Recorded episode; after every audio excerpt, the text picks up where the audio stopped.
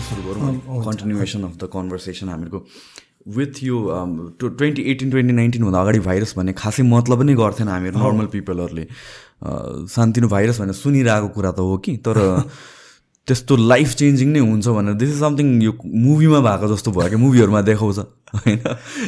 त्यस्तै नै भएर गयो कि। मैले भन्दाखेरिमा चाहिँ म पहिला यहाँ नेपाल मोगु जिल्लामा काम गर्थेँ। हजुर हजुर। म सरकारी त्यो स्कलरसिप पाएर चाहिँ जापान जानु पऱ्यो त्यति बेलामा भाइरसको अध्ययन गर्न थालेँ। अनि पढेर सकेर सकेर जब नेपाल आएपछि मन्त्रालयमा मेरो त जागिर मन्त्रालय मुगु त स्वास्थ्य मन्त्रालय हुँदै थियो। त्यहाँ गएर सचिवले तपाईँ के पढेर आएको? मैले भने भाइरोलोजी पढेको। यो भने क्या? त्यस्तो न्यु थियो तपाईँ के पढेर आयो? तपाईँ कार्डियोलोजी पढ्नु पर्ने सर्जरी पढ्यो भने मैले तपाईँलाई जागिर दिन सक्ने अब पढ्नु हो भाइरोलोजी भने त्यो मलाई थाहा छैन। अब अहिले प्रमिनेन्ट भने भाइरोलोजी नै मान्छेहरू डराएको भने भाइरोलोजी त्यसपछि अहिले आएर चाहिँ जुन सिचुएसन भयो अनि त्यो विषयमा पनि त्यति बेला म मेरो पढाइको पिएचडीको चाहिँ मेरो सब्जेक्ट चाहिँ यो डेङ्गे भाइरस थियो। जति बेला नेपालमा थिएन। म नाइन्टी फोर नाइन्टी फाइभदेखि पढेको थिएँ। अनि मेरो साथी नेपालबाट त्यहाँ जा जानुभएको दिन अनि सोधेँ उसले ए तपाईँ के विषय पढेको? नेपाल म त भाइरोलोजी हो त्यसमा मेरो थेसिस चाहिँ डेङ्गु सम्बन्धी। नेपालमा रोग छ त? छैन नेपालमा त अनि तपाईँ हुँदै नभएको रोग कि चाहिँ यहीँ बस्नु पऱ्यो कि चाहिँ हुँदै नभएको नेपालमा गर्नै नसकिने कुरा के पढेको? मैले उहाँलाई भने हेर्नुहोस् संसार यो चेन्जिङ छ। तपाईँ एक दिन नेपाल डेङ्गेमय हुन्छ। त्यति बेला तपाईँले मलाई सम्झिनु होला अहिले प्रोफेसर हुनुहुन्छ उहाँ चाहिँ। त्रिचन्द्र कलेजमा। Doctor professor Bhattarai. उहाँले अहिले मलाई सम्झाउनु भयो। हेर्नुहोस् तपाईँ कस्तो भन्न सकेको होला। सो यो अल फर्स्ट टाइम नेपालमा यो स्केलमा आएको डेङ्गु हुँदै नभएको होइन र? होइन। नेपालमा यस्तो छ पहिलोचोटि त्यो नेपालमा डेङ्गुको आइडेन्टिफाई मैले गरे हो। टु थाउजन्ड फोरमा भनौँ अहिलेदेखि लगभग बिस वर्ष पहिला एउटा केस चाहिँ। चितवनमा हामी भेटायौँ। अनि त्यसपछि त्यो केस भेट्यो भनेर भन्दा पनि मन्त्रालयमा मलाई यो मेरो नाम त पाण्डे वासुदेव पाण्डे हो। यो पाण्डेले यसको जागिर नभएर डेङ्गे ल्याइदियो हामीलाई। यो हुँदै नभएको कुरा गऱ्यो भनेर मलाई निकै नै उहाँहरूले स्पष्टीकरण जस्तो गर्नुभयो। र पछि दुई हजार छमा भयो दसमा ठुलै आउटब्रेक भयो। दसौँ हजार मान्छे मरे डेथ भयो। त्यसपछि थर्टिनमा भयो एभ्री नेपालमा टेनमा? टु थाउजन्ड टेनमा। त्यो खास गरेर त्यति बेलादेखि चितवनमा सुरु भएको तराईका जिल्लाहरूमा हुने हुन् रोगहरू खास गरेर। अब तेह्रमा भयो दुई हजार टु थाउजन्ड नाइन्टिनमा जब कोभिड हुनुभन्दा जस्ट बिफोर द काठमाडौँमा पनि भएको थियो। यहाँलाई याद भएन होला तर त्यो बेला चाहिँ कमसेकम ल्याबोरेटरीलाई नै कन्फर्म गरेका केसहरू हाम्रो रोग नियन्त्रण महाशाखाले भन्ने केसहरू पन्ध्र हजार जति केसहरू रिपोर्टेड थिए र कति मान्छेको मृत्यु पनि भएको थियो। काठमाडौँ एउटा पानीकै भएको थियो त्यो बेला पनि।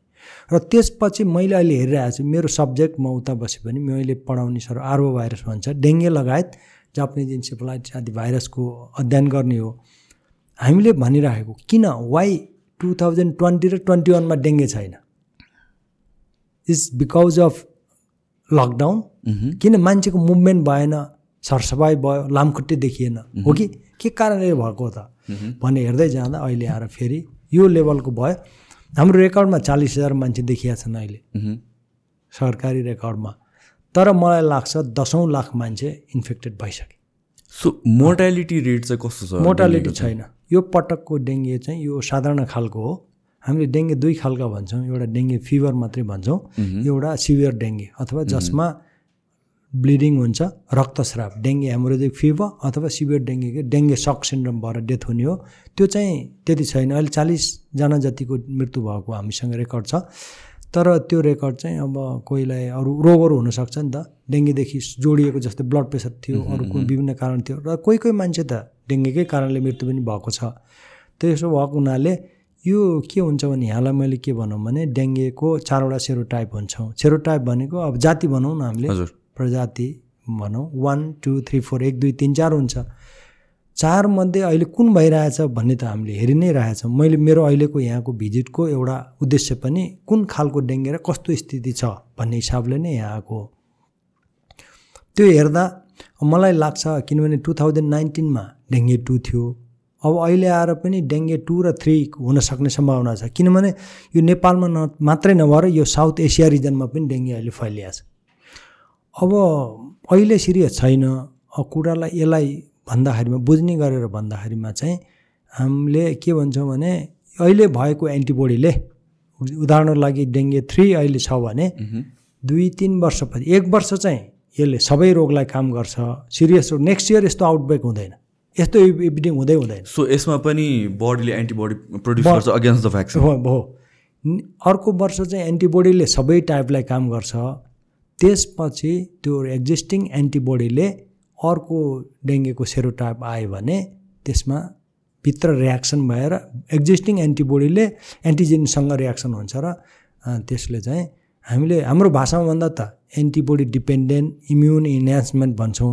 भएको एन्टिबोडीले एन्टिजेन आयो भने रियाक्सन भएर रोग चाहिँ गम्भीर हुन्छ सिरियस हुन्छ साइटोकाइन प्रडक्सन हुन्छ अनि भित्र फोक्सोमा पानी भरिन्छ फ्लुरल इफ्युजन हुन्छ। अनि पेटमा पानी पानी भरिन अथवा हामीले एसाइटिस भन्छौँ लिभर फेलियर हुन्छ किडनी फेलियर भएर डेथ हुन्छ। यस्तो स्थिति चाहिँ अर्को दुईदेखि तिन वर्षभित्र धेरै मान्छेलाई हुन सक्ने सम्भावना छ। त्यसो भएर अब पछि हामी कुरा गर्दै जाँदा गरौँला तर हामी यसको भ्याक्सिन पनि छैन यसको स्पेसिफिक ट्रिटमेन्ट पनि छैन। त्यसो भए हामीले गर्ने भनेको चाहिँ यो लामखुट्टेबाट कसरी बच्ने भन्ने मात्रै उदय गर्नुपर्छ। र अब यो त लामखुट्टे धेरै माथिसम्म पुगेको छ। हामीले हेर्दाखेरिमा हाम्रा साथीहरूले यसको अध्ययन गर्दा अब रसुवाको माथि टु थाउजन्ड वान हन्ड्रेड अथवा मिटर भनौँ न भने चा चार पाँच हजार फिटसम्म पनि यो एडिस जातको लामखुट्टे जसले रोग गराउँछ त्यो लामखुट्टे छ। अहिले हेर्दा लगभग सतहत्तरै जिल्ला एउटा जिल्ला बाहेक चाहिँ सबै जिल्लामा सेभेन्टी सिक्स डिस्ट्रिक्टमा यो रोग भइसक्यो। भनेको मतलब चाहिँ यो देशभरि नै भयो। सो यो डेङ्गुको केसमा चाहिँ फर्स्ट वेभ सेकेन्ड वेभ झन् डेन्जरस हुने भयो। किनभने फर्स्ट वेभले त एउटा some sort of immunity produce गरिदिन्छ फर अ। इयर। तर सेकेन्ड वेभ आयो भने चाहिँ त्यो इम्युनिटी नै it works in the negative context हामीले यसलाई वेभ भन्दैनौँ। अब सेकेन्ड। सेकेन्ड एपिडेमिक भनौँ। अर्को एपिडेमिकमा किनभने यो त अब यो मैले भने नि यो वर्ष भयो। अब यो बिस्तारै अक्टोबरसम्म यो अब टेम्परेचर लामखुट्टेलाई बेस्ट टेम्परेचर भनेको twenty to thirty degree Celsius हो। जो टेम्परेचर अहिले ठिक छ।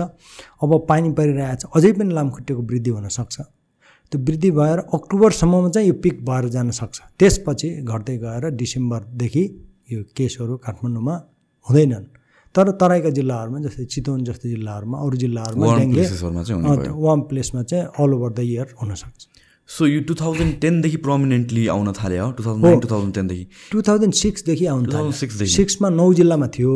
खास गरेर हामीले बाँके बर्दिया दाङ नवलपरासी रौ यो जिल्लाहरूमा चाहिँ केसहरू थिए।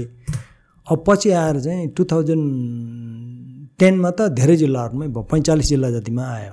सो यो एकैचोटि from one case in two thousand two थाउजन्डमा four. Two thousand फोरमा वान केसबाट यो बढ्नुको कारण के हो एकैचोटि अब यो त धेरै अध्ययन पर् गर्नुपर्ने विषय छ। अब हामीले हेर्दाखेरि सरसर्ती हेर्दा अब पहिलो कुरा त हामीले धेरै जसोले के भन्छन् भने अहिले क्लाइमेट क्लाइमेट चेन्जले क्लाइमेट चेन्जको कुरा छ। किनभने हामीले आफै फिल गर्न सकिन्छ। तपाईँको अहिले वर्षा चाहिँ हुने बेलामा वर्षा हुँदैन नहुने बेलामा वर्षा धेरै हुन्छ। वर्षा पनि एकदमै के भन्ने एउटा एकदमै हेभी रेन हुने तर एउटा सिस्टमेटिक छैन। अब त्यस्तै गरेर अर्को कुराहरू चाहिँ मान्छेको मुभमेन्ट पिपुल मुभमेन्ट पानीको स्कार्सिटी वाटर पानी चाहिँ काठमाडौँ जस्तै काठमाडौँमा धेरै जसो अ, यहाँ पहाडी जिल्लामा कति जानुभएको छ अथवा सबै जसो मान्छेहरू काठमाडौँ अथवा ठुलो सहरहरूमा आइसके। त्यहाँ सहरमा आयो तर त्यहाँ पानीको समस्या एकदम स्लम एरियाहरू छ फोहोरको डङ्गुर छ जहाँसुकै। अनि उहाँहरूले पानी खोजेर ल्याएर घरमा बकेटमा पानी राख्नुहुन्छ। त्यो बकेट त सुरक्षित तरिकाले राख्नु पऱ्यो नि त उहाँले पानी त खर्च गर्नु भएन। तर त्यसलाई नढाकिकन राख्नु त्यहीँभित्र लामखुट्टे जम्मा हुनसक्छ एक त स्लम एरियामा त्यसरी हुनसक्छ भने यो लामखुट्टेलाई फेरि के हामीले के भन्छौँ भने यो एडिस भनेको अलिक भिआइपी लामखुट्टे भन्ने गर्छौँ। किन भन्दाखेरिमा चाहिँ यो सफा पानीमा बस्छ। अनि यो चाहिँ दिउँसो बस्छ। अब सफा पानीको भन्दा कस्तो भन्दाखेरिमा चाहिँ जस्तै एसी छ तपाईँको एयर कुलरहरू छ। त्यो एयर कुलरको पानी जमेको ठाउँ अथवा गमलाहरूमा भयो यस्तो ठाउँहरूमा बस्छ। एयर कन्डिसन त गरिबले राख्न सक्दैन। त्यसो भएर यसले स्पेसल एटेन्सन पाउँछ। जस्तै अमेरिकन आर्मीहरू विभिन्न देशमा जान्छन्। त्यसो भएर उहाँहरूले पैसा धेरै खर्च गर्नुहुन्छ। डेङ्गे भनेको यो लामखुट्टे फेरि यसले कस्तोलाई एट्याक गर्छ भने न्यु कमरहरूलाई बढी यसको स्मेललाई फिल गरेर न्यु कमरहरूलाई बढी एट्याक गर्छ।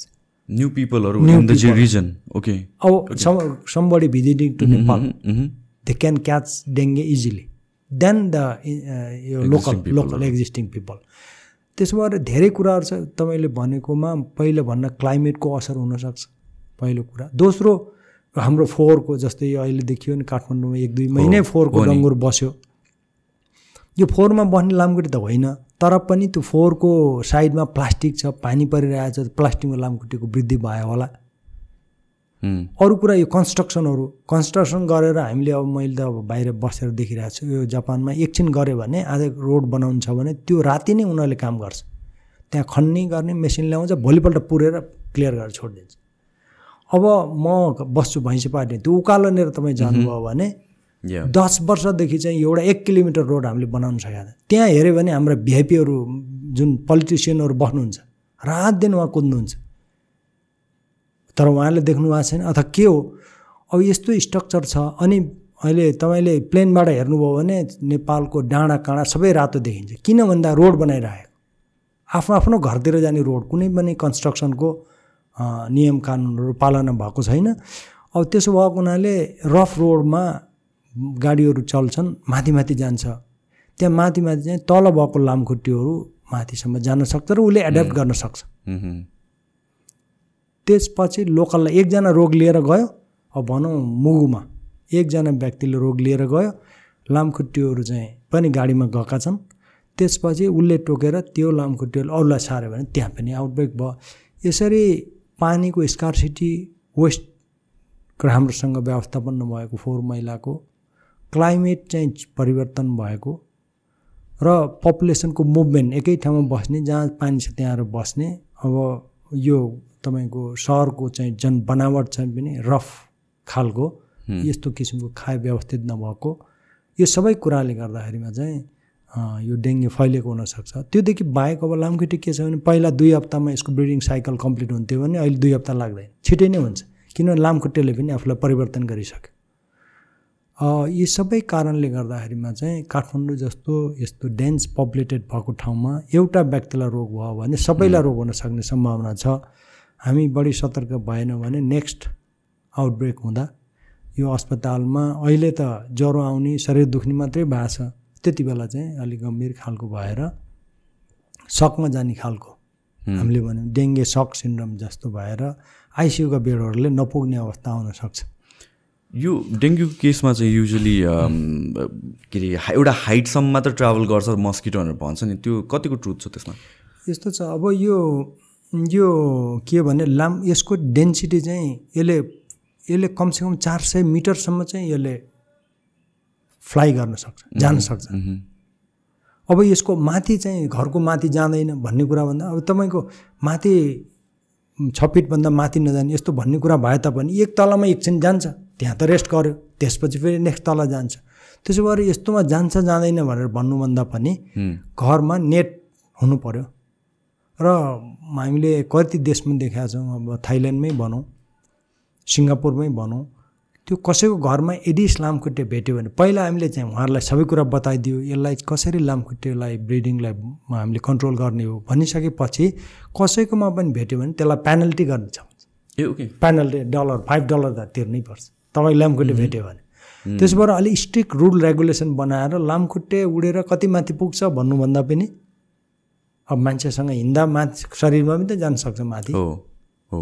यो सबै कुराले यो माथि हाम्रो घर अग्लोमा चाहिँ हामीलाई रोग हुँदैन भन्ने हिसाबले मलाई पनि त्यो मिसइन्फर्मेसन जस्तो लाग्यो किनभने रिसेन्टली इन्डियामा पनि बढ पनि न्युजहरू आइरहेको छ। मान्छेहरू सेभेन्थ फ्लोर एट फ्लोरको मान्छेहरू पनि एडमिट भइरहेको छ। पहिला त्यस्तो हुन्थेन अरे। अपेरेन्टली या कम हुन्थ्यो अरे त्यो केसेसहरू बट देन नाउ त्यो मल्टिपल स्टोरिड बिल्डिङहरूको टपबाट पनि मान्छेहरू चाहिँ एडमिट भइरहेको छ। That shows that the mosquitoes are gay adapting to that एकैचोटि फ्लाइ गरेर माथि सेभेन्थ फ्लोरमा नगए पनि ग्रेजुअल्ली अब तपाईँको लिफ्ट होला लिफ्टमा लामखुट्टे बसिरहेको छ माथिबाट जान सक्छ। अथवा चढेर घरको एक तलाबाट दोस्रो तला होला। यो सबै हिसाबले जान्छ।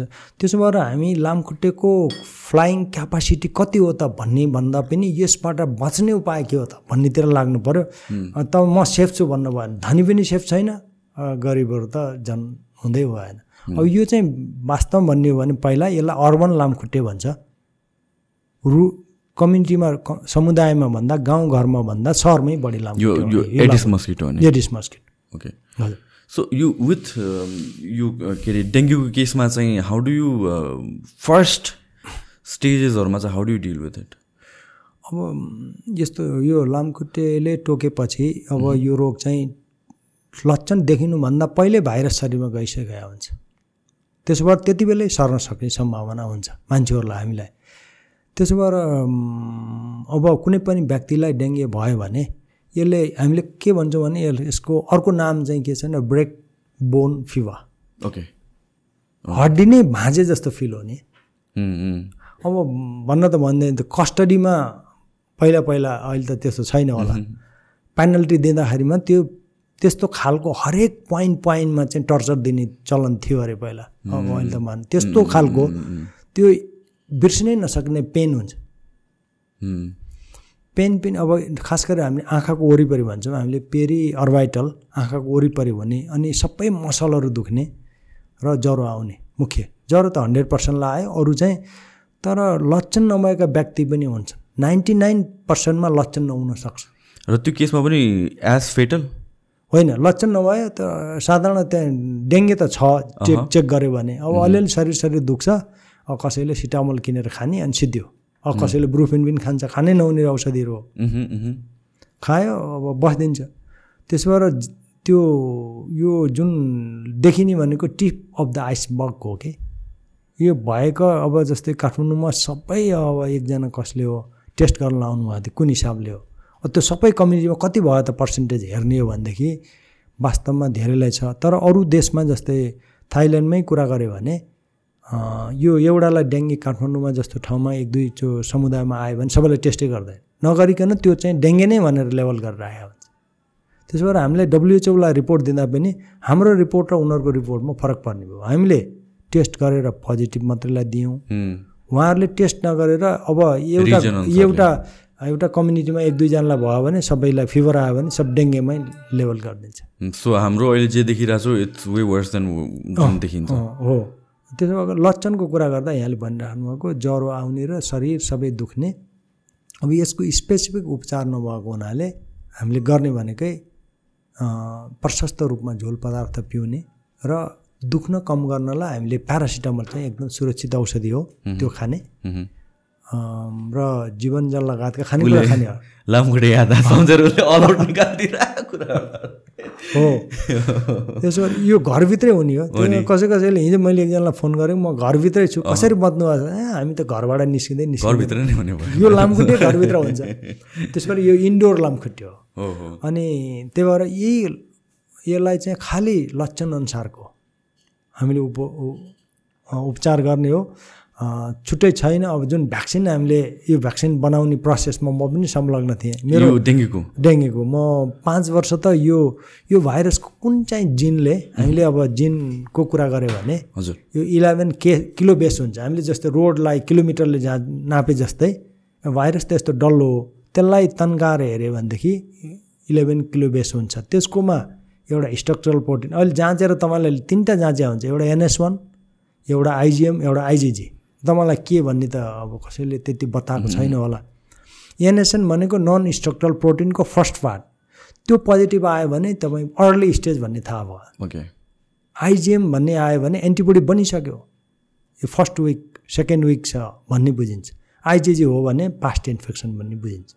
त्यसो भएर धेरै जसोको सुरुमा ज्वरो आएर जाँदा एनएसएन प्रोटिन पोजिटिभ आउँछ त्यो जिनको मैले चाहिँ पाँच वर्ष चाहिँ हरेक त्यो इलेभेन किलो बेसलाई वान बाई वान हेरेर कुन चाहिँ मलिकुलले सिरियस डिजिज गराउँछ। किनभने कसैलाई त केही पनि हुँदै हुँदैन हो त। मैले भने लक्षण नभएको मान्छे त अब सयमा लगभग नाइन्टी पर्सेन्ट नै त्यस्तो छ। ए लक्षण हुँदैन। लक्षणै हुँदैन।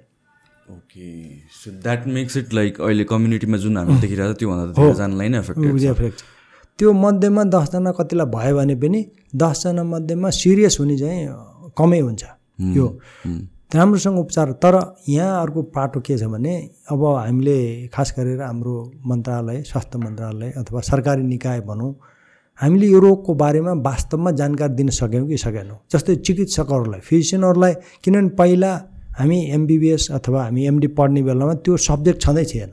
किन रोगै छैन? किन पढ्ने भन्ने हुन्थ्यो नि त।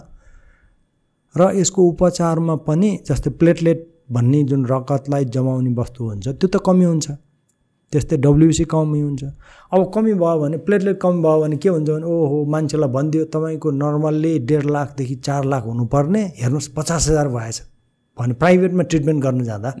प्राइभेटले बहुत राम्रो काम गर्नुभएको छ तर कहिले काहीँ भनेको त्यो डाक्टरहरू बढी एक्साइटेड भएर ल प्लेटलेट एकदम कम भयो तपाईँ दिनुपर्छ। प्लेटलेट दिनु पऱ्यो भनेर प्लेटलेटका ठुला ठुला बोतलहरू इन्फ्युजन दिनुहुन्छ इन्ट्राभेनस दिनुहुन्छ।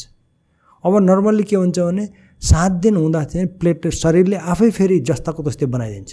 शरीरले पनि उत्पादन गर्ने प्लेटलेट कम भयो भएर बाहिरबाट पनि दिने। बेसी भयो। अनि ओभरलोड भयो। त्यसको रिजल्ट के त?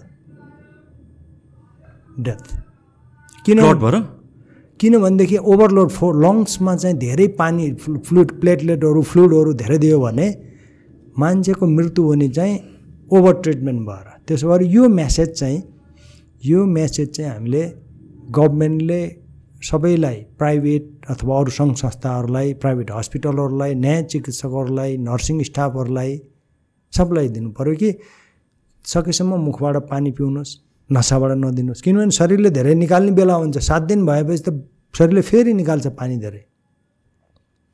इन्टरसेलुलर र एक्स्ट्रासेलुलरको जुन जुन प्रब्लम हुन्छ पहिला मान्छेले उल्टी पनि गर्ने उल्टी होला जस्तो तपाईँलाई भयो होला नि तपाईँलाई नि भयो भन्नुभयो नि। डेङ्गु भयो। मेरो चाहिँ अँ, भएको। कोरोना खान नसक्ने उल्टी होला जस्तो हुने कसैलाई डायरिया हुने कसैलाई रगत रक्तस्रापहरू सानसाना बिउराहरू आउने। यो भएको हुनाले अब डेङ्गु भनेर जाँचेपछि पोजिटिभ आउँछ पोजिटिभ आएपछि यो प्लेटलेट घट्दै गयो भनेर प्लेटलेट अथवा अरू खालका ब्लड दिने ओके। त्यस्तो over treatment over treatment saline चाहिँ दिनु भएन सकेसम्म। स्लाइन पनि दिनु भएन। किनभने यहाँ त्यही नै भइरहेको छ मेजोरिटी ट्रिटमेन्टमा मेरो मम्मीलाई पनि स्लाइनहरू दियो अस्ति।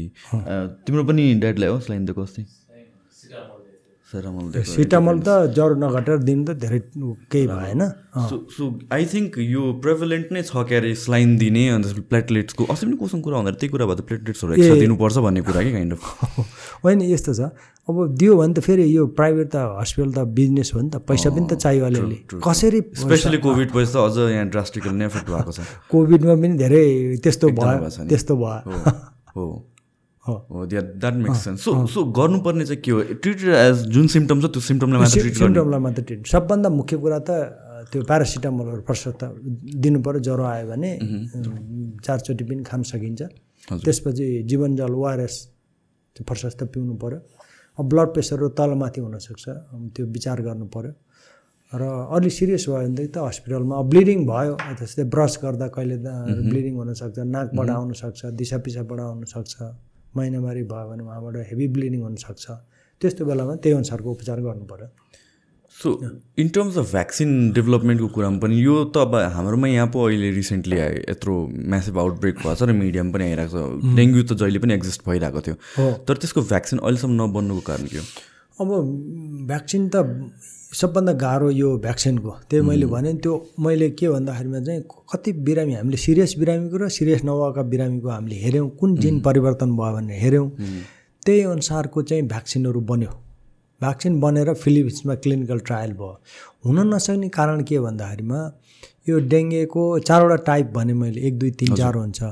चारवटा मध्ये एउटाको भ्याक्सिन बनायो भने त्यो भ्याक्सिनको एन्टिबोडीले अर्कालाई रियाक्सन गर्ने भयो नि त। त्यसो भएर सबैलाई मिलाएर सबैको बराबर भाइरस हाल्नुपर्ने हुन्छ। सबैको एन्टिजेन चाहिँ बराबर हुनु पऱ्यो अब यो भ्याक्सिन भएर थुप्रै कम्पनी त्यो कम्पनीले खर्च गरेर मिलियन डलर खर्च गरेर हामीले त्यो फिलिपिन्समा भ्याक्सिनेसन सुरु भयो डेङ्गुको। तर यसले अनफर्चुनेटली चाहिँ पहिला रोग भएको मान्छेलाई फेरि भ्याक्सिन दिँदाखेरिमा मान्छेको ज्यानै गयो त्यो कारणले अहिले अरू भ्याक्सिन पनि लाउन नसकेको अवस्था छ र त्यो कम्पनीले विथड्र गर्नु पर्यो। तर यसको समस्या भनेको चारवटा सेरोटाइप छ। अब त्यो चारवटा सेरोटाइपलाई म मिलाएर भ्याक्सिन बनाउँदा त्यो बनाउन गाह्रो भइरहेछ। त्यो भएर अब यो एमआरआई टेक्निक अहिलेसम्म त्यो युज भएको थिएन। पहिला त त्यसमा के युज हुन्थ्यो भने कुन चाहिँ जिनलाई चेन्ज गर्दा त्यसलाई सिरियस हुँदैन त्यसरी बनाउने एउटा चलन थियो भने अरू एन्टिजिनहरू मिक्सअप गरेर इनएक्टिभेटेड गरेर बनाउने भ्याक्सिनहरू प्रयोग भएको हो। हामीले किमेरिक भ्याक्सिन भन्छौँ। काइमेरिक भ्याक्सिनको प्रयोग भएको हो। तर त्यस चाहिँ सक्सेसफुल भएन।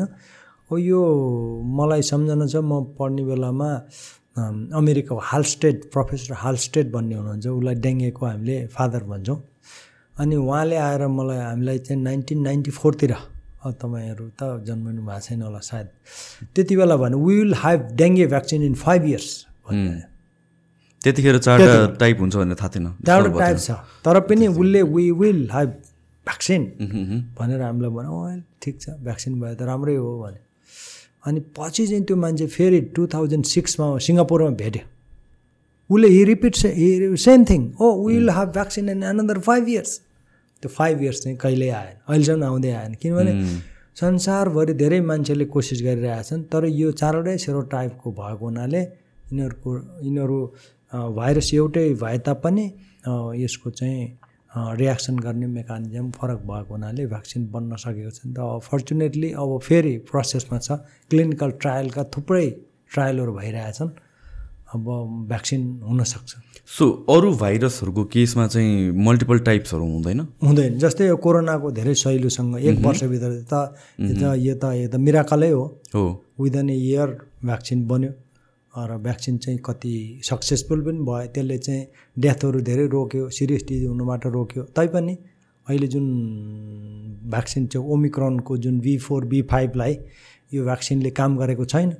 काम नगर्दा नगर्दै पनि अरू त्योदेखि बाहेकको अरूलाई काम गरेको हुनाले सिरियस टाइप चाहिँ हुन दिएन। किनभने त्यो त्यो अहिले मैले भने जिनको आरबिडी भन्छ अ, त्यो बाइन्डिङ साइटमा जुन भ्याक्सिन बनाउनु जिन ल्याएर बनाएको हो त्यो जिनमै यो भाइरसले चेन्ज गरिदियो। भाइरस चाहिँ साइन्टिस्ट भन्दा पनि बढी क्लेभर भयो। त्यो हिसाबले यो चाहिँ अहिले बन्यो तर अब पान कोरोना भनेर सबै सबै टाइपहरूलाई जस्तै समेटेर। बनाउन बनिसकेको छ त्यो भ्याक्सिन चाहिँ। कति देशमा त सुरु पनि भइसक्यो। Okay so in terms of यो भ्याक्सिनको केसमा चाहिँ जस्तो कि भ्याक्सिन बनाउने र अप्रुभ हुने प्रोसेस युजली कति इयर्सको हुन्छ? एउटा स्ट्यान्डर्ड प्रोटोकल होला नि यति इयर्ससम्म टेस्ट गर्नुपर्छ अब। यो यस्तो छ यो धेरै धेरै छ यो त डब्लुएचओले प्रि क्वालिफिकेसन दिनुपर्ने हो। पहिला क्लिनिकल ट्रायलहरू वान टू थ्री भएर ह्युमेन ट्रायल गरेपछि हुने हो। त्यो ट्रायलै गर्न चाहिँ तपाईँलाई धेरै वर्ष लाग्छ। कम्तीमा दुई वर्ष त लाग्छ लाग्छ। त्यसपछि त्यो गरेपछि एप्लिकेसन भयो। एप्लिकेसन डब्लुएचओमा गरिसकेपछि त्यसको पनि प्रोसेस हुन्छ। Normally five to ten years त लाग्छ लाग्छ। त्यही त मैले पनि पढे अनुसारले युजली टेन इयर्स नै स्ट्यान्डर्ड हो भनेर भन्छ। तर यो this was an emergency case so I think त्यो गर्नै पर्ने जरुरी गर्नै पर्ने भएर डब्लुएचएल पनि एउटा इमर्जेन्सी युजको लागि भनेर यसलाई चाहिँ एप्रुभ गरेको मात्रै हो। अब जस्तै कहिलेकाहीँ फेरि यस्तो पनि कन्डिसन आउँछ जस्तै हाम्रो यहाँले सुन्नुभएको छ छैन जापानिज इन्सेफ्लाइटिस। जापानिज इन्सेफ्लाइटिस तराईमा पहिला एकदमै धेरै ऱ्याम्पेन थियो। धेरै मान्छे यसको त डेथ रेटै thirty to fifty percent okay यो ब्रेनमा इन्फेक्सन इन्सेफ्लाइट ब्रेन ब्लड ब्रेनमा क्रस गरेर ब्रेनमा जाने। अनि डेथ हुने डेथ नहुने व्यक्तिहरूलाई चाहिँ के हुन्छ भने यो सिक्वेली भन्छौँ हामीले कसैले आँखा नदेख्ने कान नसुन्ने अथवा हातखुट्टा नचल्ने डिसेबल भएर लाइफ लङ चाहिँ त्यसरी बस्ने हुन्छ। यदि बाँचेको व्यक्तिहरू पनि। त्यस्तो खालको रोग थियो। हामी हाम्रोमा भ्याक्सिन थिएन तर चाइनिजले एउटा भ्याक्सिन बनाए। त्यो vaccine SA fourteen fourteen two भन्ने। त्यो क्लोनको हाम्रो भाषामा क्लोन भन्छौँ। क्लोनको पश्चात एउटाबाट चेन्ज गर्दै गर्दै जाँदा फिफ्टी थ्री त्रिपन्नचोटि चेन्ज गर्दाखेरिमा त्यो चाहिँ एटुनेटेड भन्छौँ त्यो भाइरस दियो भने रोग चाहिँ नगराउने तर एन्टिबडी बनाउने। सो आरएनएको मल्टिपल त्यो होइन भाइरसै? भाइरसलाई पसा हामी सेलमा हामी हाल्छौँ भाइरसलाई। हालेर सात दिन राख्यो त्यहाँबाट फेरि फ्लुट झिकेर अर्कोमा राख्यो। ओके। अनि सात दिन राख्यो त्यहाँबाट राख्यो। यसरी त्यसरी कल्चर चेन्ज गर्दै गर्दै गर्दै गर्दै लाँदा त्यो त्यो क्लोनमा चाहिँ त्यसले के देखियो भनेदेखि यसले चाहिँ इम्युनिटी ल्याउने तर पाथोजेनिक भनेको डिजिज चाहिँ नगर्ने। त्यस्तो देखियो है। त्यो भएर चाइनिजले त्यो भ्याक्सिन लगायो। अब साउथ एसियामा ठुलो समस्या थियो। इन्डियाले चाहिँ लगाउनु मानेन। इन्डियाले उनीहरूले त्यो भ्याक्सिन ल्याएर उनीहरूले क्लिनिकल ट्रायल आफ्नो गर्न थाले। श्रीलङ्कामा त्यही गर्न थाल्यो। नेपालले के गर्यो भनेदेखि हामीले त्यो चाहिँ नाइन्टिन नाइन्टी सेभेनतिर अनिदेखि सुरु भएको टु थाउजन्ड थ्रीमा म्याक्सिमम् भ्याक्सिनेसन भयो। नेपालले चाइनिजको गरेको क्लिनिकल ट्रायललाई डब्लुएचओले एप्रुभ गरेका छैन। ओके। हामीले नेपाल सरकारले यो भ्याक्सिन चाहिँ आवश्यक छ भनेर तुरुन्त दिएपछि त्यो जापानिज इन्सेबाट केसहरू त्यसले यति इफेक्टिभ भ्याक्सिन भयो कि केसहरू घटेर अहिले अब यो पटक पनि अलिकति भयो अहिले डेङ्गे हुने बेलामा। तर मिनिमम पचासभन्दा तलको नम्बरमा घट्यो कि जो चाहिँ धेरै हजार मान्छेलाई हुन्थ्यो। भनेपछि कहिलेकाहीँ त्यस्तो कन्डिसन पनि आउनसक्छ हामीले चाहिँ अब अहिले त अब जस्तै हाम्रो यहाँ पाटनमा पनि पहिला हेपाटाइटिस भ्याक्सिनेसन भएर त्यो चाहिँ विथड्र गर्नु पऱ्यो यहाँ चाहिँ लोकल कम्युनिटीले अथवा पोलिटिकल सिचुएसनले त्यो एक्सेप्ट नगरेको हुनाले हामीले गर्नु पऱ्यो तर जेईको भ्याक्सिन त्यसरी सफल भएको थियो।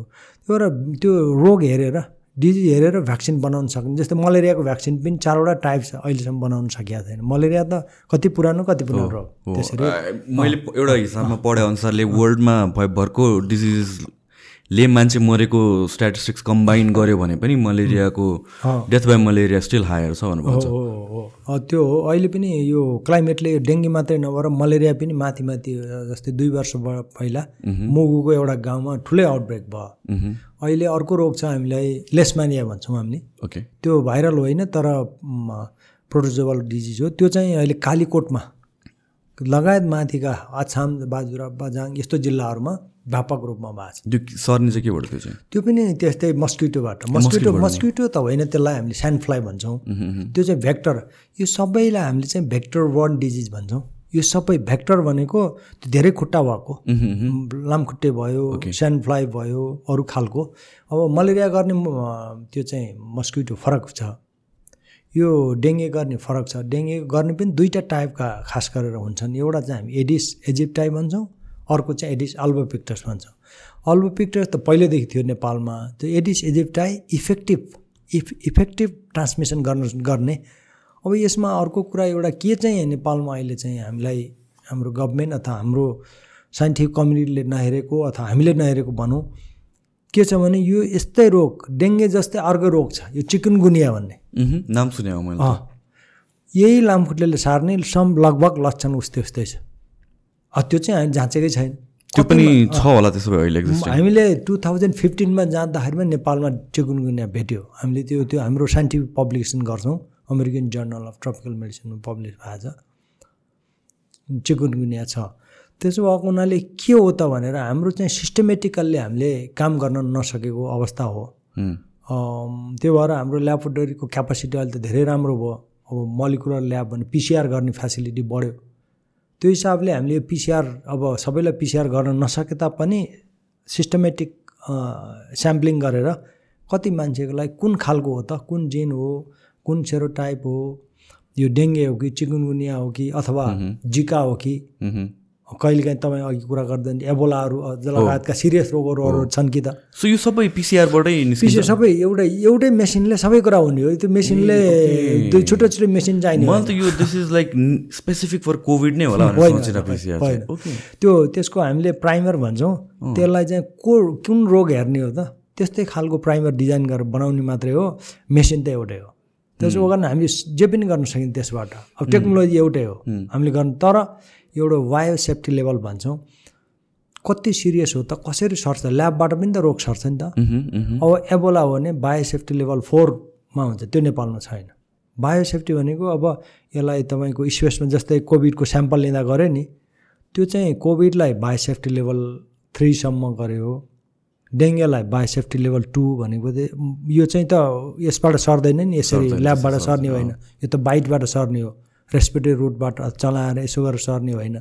त्यसरी त्यो ती ल्याबहरूलाई त्यस्तो खालको चाहिँ मेकानिजम जस्तै सातवटा प्रोभिन्समा त्यस्तो खालको बायोसेफ्टी लेभलको अब थ्री लेभलसम्मको ल्याब भइदियो भने हुन्थ्यो। अब तर हाम्रो यहाँ हाम्रो सबभन्दा ठुलो नेसनल पब्लिक हेल्थ ल्याबोरेटरी हो सरकारी निकाय।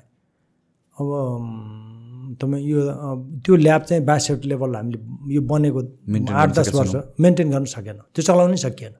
यो त मलाई थाहा रहेछ यो जस्तो कि इबोलाको जुन आउटब्रेक अहिले फेरि भइरहेको छ युगान्डामा। हो सो यतातिर आउने चान्सेस छ कि छैन? कि इज इट लाइक अहिलेसम्म सुनेको केसेसहरू चाहिँ अफ्रिकाकै अराउन्डमा मात्र सीमित भएको छ नि?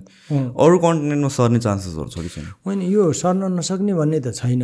अब खास गरेर अफ्रिकाकै सेरोलियन या त्यो देशहरूमा त्यो एरियामा भयो त्यहाँ चाहिँ को अलिक वातावरण फरक छ त्यो चाहिँ वाइल्ड लाइफबाट सर्ने खालको यो अघि पनि अलिकति कुराहरू हामीले Primates को गऱ्यौँ। अँ, कुराहरू प्राइमेटको र वान हेल्थ एप्रोच छ। त्यो उनीहरू वाइल्ड लाइफमा जङ्गलमा जाने त्यसबाट त्यसको सिक्रिसनहरूबाट जङ्गली जनावरबाट अथवा त्यसबाट सर्ने कुरा हो। नेपालमा आउनै नसक्ने भन्ने होइन। हामी टु थाउजन्ड सिक्सटिनमा पनि ठुलो आउटब्रेक भयो।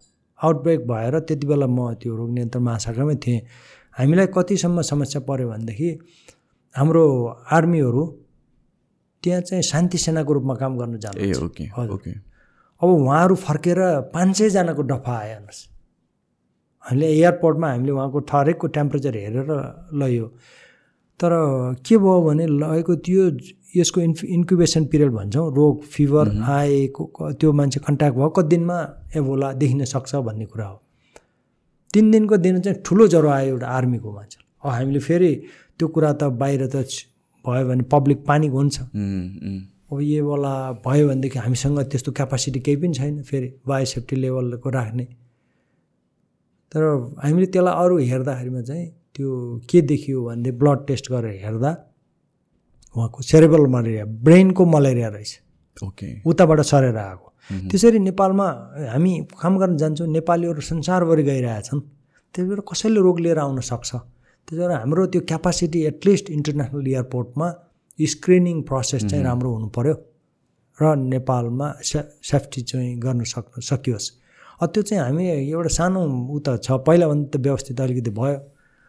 भए तापनि हामीले त्यसरी म त्यो हामी इडिसिडी हुने बेला त्यहाँ बिल्डिङै बनाएर हामी कन्स्ट्रक्सनको पैसाहरू छ।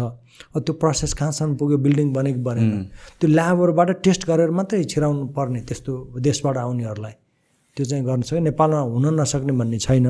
तर पनि यो खास गरी अफ्रिकाको पर्टिकुलर त्यो एरियामा उनीहरू जङ्गली लाइफहरू वाइल्ड लाइफमा धेरै भएको हुनाले त्यतातिर हुने सम्भावना धेरै छ। तर त्यसको औषधिहरू ट्रिटमेन्टहरू छ भ्याक्सिनहरू पनि अलिकति डेभलप भइसक्यो हुनाले। त्यसरी जस्तै मङ्की पक्सको कुरा नि आयो बिचमा। मङ्की पक्सको पनि भ्याक्सिनेसन जुन हामी दिन्छौँ पहिला स्मल पक्सकै भ्याक्सिन हामीले दिन सक्ने कुरा हो। अरू अरू भ्याक्सिनकै छ हामीले दिन सक्छौँ। त्यो हिसाबले यति धेरै व्यापक भरेर त्यो रेस्पिरेटरी रुटबाट सर्ने रोगहरू धेरै सर्ने भयो श्वास प्रश्वासबाट। जुन चाहिँ बडी कन्ट्याक्टै टच भएर हुन त सम्भावना कम भयो जस्तै मङ्की पक्स चाहिँ अब यो खास गरेर मेन टु मेन. सेक्सुअल होमोसेक्सुअलबाट सेक्सुअल इन्टरकोर्सबाट भन्दा पनि त्यो क्लोज कन्ट्याक्ट हुँदा त्यहाँबाट घाउबाट सरेर जाने कुरा हो। ओके त्यो हिसाबले रोग सर्न सक्ने सम्भावना चाहिँ श्वास प्रश्वासहरू सर्न सक्ने रोगहरू बढी सम्भावना बढी भयो। मङ्की बक्स चाहिँ सासबाट कन्ट्याक्ट फिजिकल कन्ट्याक्टै हुनु वरबाट इबोलाको केसमा चाहिँ त्यो प्राइमेट्स टु ह्युमन्स मात्रै हुने हो ह्युमन्स टु ह्युमन ट्रान्समिसन पनि छ। होइन वुमेन टु वुमेन हुन्छ। पहिला प्रेमेटबाट वुमेनमा हुने हो। त्यसपछि वुमेनमा एडाप्ट भइसकेपछि त उसले अर्कोलाई सार्न सक्ने सम्भावना भयो नि त्यसरी सर्ने हो। सो कसरी यो अहिलेसम्म यस्तो सुपर स्प्रेडर भएको छैन यो? अब यस्तो छ यो एक त अब त्यो त्यो एरियामै त्यो भयो। अफ्रिका भनेको अलिकति आइसोलेटेड एरिया पनि हो। अब त्यसरी चाहिँ मान्छेहरू व्यापक इन्टरनेसनल ट्राभल गरे तापनि श्वास प्रश्वासबाट नसर्ने भएको हुनाले स्क्रिनिङ प्रोसेस पनि राम्रो भएको होला। जुन को कोरोनामा त्यो भयो एबोलामा त्यस्तो खालको जुन व्यक्ति भन्छ आरओ भन्छौँ त्यो त्यो भाइरस कति छ कतिजनाले ट्रान्समिट गर्न सक्छ भन्ने चाहिँ हरेक मेजरमेन्टहरू हुन्छ। त्यो चाहिँ एबोलामा त्यति इफेक्टिभ जुन कोरोनाको जस्तो क्विकली हुने तर सिरियस नहुने छ नि त कोरोनाको। अब जस्तै माथि कम्पेयर टु एबोला अब यसको चाहिँ सर्न सक्ने चाहिँ धेरै नै मोस्ट लाइकली फिजिकल कन्ट्याक्टबाट बढी सर्न सक्ने भएको हुनाले त्यति चाहिँ व्यापक इन्टरनेसनली हुन नसकेको होला। अब धेरै कुराहरू छन्। यसको ट्रिटमेन्ट पनि अलिकति हामीले एन्टिभाइरल पनि काम गर्ने छ। त्यो दिइ नै दिन्छौँ त्यही औषधि हामीले कोरोनालाई पनि चलाएको रेमडेसिभिर भन्ने चाहिँ त्यो चाहिँ त्यो चाहिँ पहिला एबोलाको लागि ट्रिटमेन्ट गर्ने हो। त्यो चाहिँ यसको लागि पनि हुने हुन्छ कि गरेको थियो, त्यति काम गरेन काम गरेन। पहिला अब काम गर्छ भन्ने हिसाबले गर्यो तर डब्लुएचओले र इन्टरनेसनल कम्युनिटीले यो चाहिँ त्यति युजफुल छैन भनेर अरू अरू औषधिहरू पनि क्लिनिकल ट्रायलमा त भए। तर रेमडेसिभिर चाहिँ अहिले स्पेसिफल्ली एबोलाको लागि नै दिने हो। जस्तो कि एबोलाको केसमा मोर्टालिटी रेट कति छ? मोटा ए- एबोला त एकदम more than sixty percent mortality लाग्यो भने भेरी भेरी रेयर चान्स अब but treatable with vaccine treatable treatable छ भ्याक्सिन छ। अब अहिले अफ्रिकामा किन पनि अर्को हुँदो रहेछ भने जस्तै पहिला सुरुमा चाहिँ टु सिक्सटिन सेभेन्टिनतिर एउटा जुन त्यहाँको फेमस डक्टर उसलाई चाहिँ उसले चाहिँ ध्यानै नदिने। आ यो मलाई केही हुँदैन। म त एकदम जान्ने छु। जस्तो हिसाबले अलिक केयरलेस जस्तो गरेर ट्रिटमेन्ट गर्नुभयो। गरिसकेपछि उसलाई रोग भयो। रोग भयो त डेथ भयो। डेथ भएपछि हि सो पपुला सबै मान्छेलाई बोलाउनु त दस पन्ध्र दिन राखेर त्यहाँ बाहिर सबले नुहाइदिने गर्ने त्यसैबाट गर्ने गरेपछि त्यहाँबाट चाहिँ त्यो भाइरस यति व्यापक भयो कि त्यसरी डेथ भयो। त्यसो भएर उहाँहरूलाई चाहिँ अलिकति अलि अफ्रिका म धेरै त गएको छैन अफ्रिका कति देशहरूमा गएँ तर पनि अझै पनि हेल्थ सिस्टम चाहिँ भेरी पो हाम्रोभन्दा पनि अझ कमजोरी छ धेरै ठाउँमा। त्यो हिसाबले त्यो एरियामा बढी सर्ने बढी मान्छेलाई हुने भएपछि मृत्यु पनि धेरैलाई हुने त्यस्तो खालको समस्याहरू हुनसक्छ। यो त यत्तिकै यो एउटा दुइटा कुरा भनेर भन्न सकिने होइन। अब यो त अध्ययनकै विषय हो। अब त्यही नै छ त्यहीँ व्यापक हुन्छ सिटपुट केसहरू अरू ठाउँमा हुन्छन् तर त्यति धेरै संसारमा फैलिसकेका त छैन। इन इन टर्म्स अफ कोभिडको पनि कुरा गर्दाखेरि अब जुन भ्याक्सिनहरू डेभलप भयो अर्ली स्टेजेसमा भयो थियो आई थिङ्क त्यसको अहिले पनि क्लिनिकल ट्रायलहरू भइरहेछ होला। So out of all these vaccine different different मेथोडोलोजीबाट बनेको थियो भ्याक्सिनहरू सो कुन vaccines are actually worth or कुन भ्याक्सिन्सलाई चाहिँ अब अहिले यो काम छैन भनेर भनिरहेछ? यस्तो छ अब अब यहाँनिर हरेक कुरामा अलिकति भ्याक्सिनको इफेक्टिभनेस कुरा पनि हुन्छ अलिक पोलिटिकल्ली पनि त्यसलाई लिने हुँदो रहेछ। अब विभिन्न देशले अब भ्याक्सिन बनाउने टेक्नोलोजी फरक फरक छन्। हो। अब अहिले नयाँ टेक्नोलोजी आएको एमआरएनए भ्याक्सिन हो। त्योदेखि बाहेकको अरू चाहिँ अब जो क्यामेरिक भ्याक्सिन अथवा जिनलाई मेनिपुलेट गरेर बन- बनाउने भ्याक्सिनहरू छ त्यो चाहिँ जस्तै कोभिसिल्डहरू यिनीहरू भए त्यस्तै अब चाइनिजको बनेको भेरोसेलहरू इनएक्टिभेटेड भेरोसेल भन्ने किडनीको सेलबाट बनाएको भ्याक्सिनहरू छन्। यसरी विभिन्न खालका भ्याक्सिनहरू छन्। अब कति त हामीले ओरल भ्याक्सिन बनाउने प्रयासमा पनि छ कति त नेजल नेजल भ्याक्सिन नेजलबाट स्प्रे गरेर भ्याक्सिनेसन गर्ने। त्यस्तो टेक्नोलोजी पनि हामीले त्यो भइरहेको छ। त्यसो गरी यो चाहिँ अब एकदमै यो भाइरसले जति मान्छे भए लगभग भनौँ न त्यति खालका रिसर्चहरू भइरहेको छ यति धेरै कि अब यसको जेनेटिक एनालाइसिस पनि हजारौँ लाखौँ अब यति भयो कि यसको पब्लिकेसनहरू यति धेरै भयो कि सब मान्छेले अरू सबै कुराहरू भन्दा अरूलाई छोडेर कोभिडतिर लाग्नु पर्यो। मह्म। किनभने यो त ठुलो संसारकै लागि चुनौती भयो। त्यो भएर कुन चाहिँ राम्रो कुन चाहिँ नराम्रो त साइन्टिफिकले नै भन्ने हो। अब पब्लिकेसन गरेर कति मान्छेलाई भ्याक्सिन लगाउँदा यसको इफेक्टिभनेस कति थियो त एन्टिबोडीको टाइटर कति बस्यो त अथवा डेथ रेट कति घट्यो त भनेर हेर्ने कुरा हो। अब अहिलेसम्म चाहिँ अब मैले देखेको डेभलप कन्ट्रीहरूको कुरा गर्दा अब त्यो फाइजर र मोडर्न जुन एमआरएन भ्याक्सिनलाई धेरै नै महत्त्वका साथ लगाइयो। जोन्सन जोन्सनको जोन्सन जोन्सन भ्याक्सिन पनि त्यो हिसाबले त त्यसको अलिक साइड इफेक्टहरू पनि देखिएको देखिएको। हिसाबले जोन्सन जोन्सन चाहिँ त्यति नै धेरै रूपमा प्रयोग भएन। तर अब अब हाम्रो देशकै कुरा गर्ने हो भने अब यी भ्याक्सिनहरू कति व्यक्तिहरूले यहाँ अध्ययन गरिराख्नु भएको होला सायद। अब त्यो मध्येमा हामीले पनि अध्ययन गरिराखेकै छौँ। र त्यो भ्याक्सिन लगाएपछि जस्तै मैले आफैले लगाएको भ्याक्सिन मैले लगाएर म उता जाँदा जापानमा गएर मैले टेस्ट गरेर हेर्दा छ महिनापछि हेर्दाखेरिमा चाहिँ त्यो टाइटर चाहिँ जेरो। नेग्लिजेबल अथवा डिटेक्टै गर्न नसक्ने एन्टिबोडीहरू भयो। त्यो पछि फेरि मैले फाइजरको भ्याक्सिन मैले लगाउनु पऱ्यो र तिनवटा डोजहरू मैले फेरि लगाएँ। अब अरू भ्याक्सिनहरू जस्तै हामीले तराईका जिल्ला मैले स्याम सिस्टमेटिक स्याम्पलिङ गरेर अहिले हेरिरहेका छौँ तर त्यो व्यक्तिहरूमा जसलाई तिन महिनापछि टेस्ट गरेर स्याम्पलहरू लिएर हामीले हेरेको व्यक्तिहरूमा एन्टिबडी चाहिँ सफिसियन्ट एन्टिबडी छ। यो भ्याक्सिनको नाम लिन मिल्छ मिल्दैन? यो भ्याक्सिन त अब उहाँहरूले बेरोसेल पनि लाउनु भएको छ बेरोसेल पनि ला सबै मल्टिपल भ्याक्सिनहरू छ त्यसमा। लगाएको छ अब जे भेटा त्यही लाउनु जस्तो छ नि त मिक्स। गर्नु राम्रो हो कि होइन? मिक्स गर्न राम्रो जस्तो देखिन्छ अहिले। एक्जिस्टिङ एन्टिबोडीलाई अर्को दियो भने बुस्ट अफ गरेको जस्तो देखिन्छ। त्यसले पनि युजफुल हो कि बुस्टरमा अर्को भ्याक्सिन दियो भने भन्ने देखिन्छ। र अहिले हामीले फेरि छ महिना पछिको हेरिरहेछौँ अब यो के पनि हुन सक्दैन यो भ्याक्सिनले हो कि अथवा नेचुरल इन्फेक्सन हो त्यो चाहिँ अर्को पाटो छ। तर अब यो भ्याक्सिन राम्रो यो नराम्रो भन्नुभन्दा पनि हामीले त अब देख्यौँ नि नेपालमा अब अहिले त केस त कम छ। अब टेस्टै नगरेको त हुँदै हो। टेस्ट नगरे पनि त हस्पिटल त जानु पर्थ्यो। जो इन्डाइरेक्ट एभिडेन्स पनि छैन। त्यसो भएको हुनाले कम भयो। तपाईँ कोरियामा जानुभयो अहिले पचास हजारभन्दा बढी व्यक्तिलाई कोभिड भइरहेछ। जापानमा त्यस्तै छ। चालिस पचास हरेक दिन चाहिँ कोभिड भइरहेछ। मोर्टालिटी पनि त्यतिकै नै छ। मोर्टालिटी पनि छ। सो यो हर्ड इम्युनिटी हुनुपर्ने होइन त अहिलेसम्म? हो। अब यस्तो जमानमा के भयो भने उहाँहरूले चाहिँ यो क्वारेन्ट एकदम लकडाउन लकडाउन भन्दा पनि इन्टरनेसनल बोर्डरलाई क्लोज गरिदियो। बिस्तारै मान्छेहरूलाई इन्टरनेसनल व्यक्तिहरूलाई भेटायो पठायो। अनि त्यसपछि जसलाई रोग भएको छ उसलाई स्ट्रिक्टली राख्ने। हाम्रो जस्तो चाहिँ अब हामीले कोसिस त गऱ्यौँ पहिला सुरुमा कन्ट्याक्ट ट्रेसिङ गऱ्यौँ तर त्यस्तो हामीले स्ट्रिक्टली गर्न सकिएन।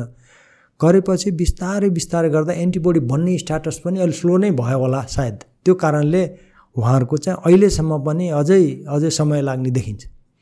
सो हाम्रो केसमा चाहिँ अब यो जस्तो कि भ्याक्सिन अब यसलाई त हामीले त एन्डेमिक या भन्छ एउटा डिजिज जुन चाहिँ जहिले पनि भइरहेको छ एउटा थपियो त्यो हिसाबले लिनुपर्ने कुरा भयो। अब हो नेपालमा त अहिले हेर्दाखेरिमा अब यतिवटा चाहिँ अब पहिला हामी चाइनिजको वानको स्ट्रेन आयो त्यसपछि आएर अब डेल्टा भयो त्यसपछि कोभिडको विभिन्न स्ट्रेनहरू आयो तब अहिले थपहरू नयाँ चेन्जहरू कति हेऱ्यो भनेदेखि साधारण चेन्जहरू हुने भाइरस यसमा धेरै छँदैछ। अहिले देख्दाखेरिमा चाहिँ अब यो भाइरस विक हुँदै गयो बडीको डिफेन्स मेकानिजमहरू बढ्दै गयो त्यो हिसाबले चाहिँ अब यो चाहिँ एउटा यो एउटा हाम्रो चाहिँ त्यो डिजिजको प्याटर्नमा नयाँ कोभिड भन्ने चाहिँ एउटा चाहिँ हाम्रो हेल्थ म्यानेजमेन्ट इन्फर्मेसन सिस्टम छ मन्त्रालयमा त्यो विभागमा त्यसमा चाहिँ यो नयाँ रोगको इन्टाइटी थप्यो र पर्सै पछि भ्याक्सिन लाउनु पर्ने जरुरी छ। हो मैले त्यही बुमा आएको अब यसलाई हामीले अब एज अ हर्ड इम्युनिटी हामीले इस्टाब्लिस गरिसक्यौँ किनभने अब यो इदर इम्युनिटी बढेर केसेसहरू नबढ्या हो कि कि भ्याक्सिनको स्ट्रेन नै कमजोर भएर भन्ने कुरा आउँछ। र त्यसपछि आउँछ कुरा यो भ्याक्सिनको कुरा। अब एभ्री इयर भ्याक्सिन लिने हो कि कि हाम्रो हर्ड इम्युनिटीले नै यसलाई टेक केयर गर्छ। अब यस्तो छ मलाई लाग्ने कुरा के छैन हरेक वर्ष चाहिँ भ्याक्सिन चाहिँ लगाउनु पर्ने हुन्छ। किनभने त्यो इम्युनिटी त ग्रेजुअल्ली फेडिङ हुन्छ फेडिङ भन्छ। हामीले घट्दै जान्छ नि त। यस्तो विक पोइन्टमा जान्छ कि फेरि इन्फेक्सन हुन सक्छ जस्तो कि फ्लूहरू फ्लू सर्ट्स पनि एभ्री इयर लगाउने मान्छेहरू छन् त। नलगाउनेहरू पनि त छन् त। नलगाउने पनि छन्। त्यस्तै गरेर कोभिडलाई चाहिँ कसरी लिने होइन यस्तो छ। अब कोभिडलाई त लगाउनै पर्ने हुन्छ किनभने यसको अझ हामीले चाहिँ क्लियर कट थाहा छैन अहिलेसम्म। अब कमसेकम जस्तै इन्फ्लुएन्जाको पहिला आउटब्रेक हुँदा सिक्सटिनदेखि अघिल्लो सेन्चुरीमा भएको पनि चार वर्ष बसेको थियो। भने पनि यो लगभग तिन वर्ष अझै एक वर्ष त यसको यो यो कोभिड त रहिरहेको छ। कुन स्टेजमा जान्छ त? इन्टरनेसनल साइन्टिफिक कम्युनिटीले के भन्छ त? त्यो हिसाबले हो तर भ्याक्सिन चाहिँ लगाउनै पर्ने हुन्छ। इन्फ्लुएन्जाको हकमा हामीले के गर्छौँ भने जसलाई अलिक सिनियर सिटिजन हुनुहुन्छ अथवा अर्को रोग भइरहेको छ निमोनिया हुनसक्ने सम्भावनाहरू धेरै छ त्यस्तो व्यक्तिहरूलाई दिने हिसाबले लिइराखेको र लगाउनु त हाम्रो अब इन्टरनेसनल जुन यहाँ काम गर्न आउनुहुन्छ मिसनमा उहाँहरूले त लगाइराख्नु भएको हुन्छ।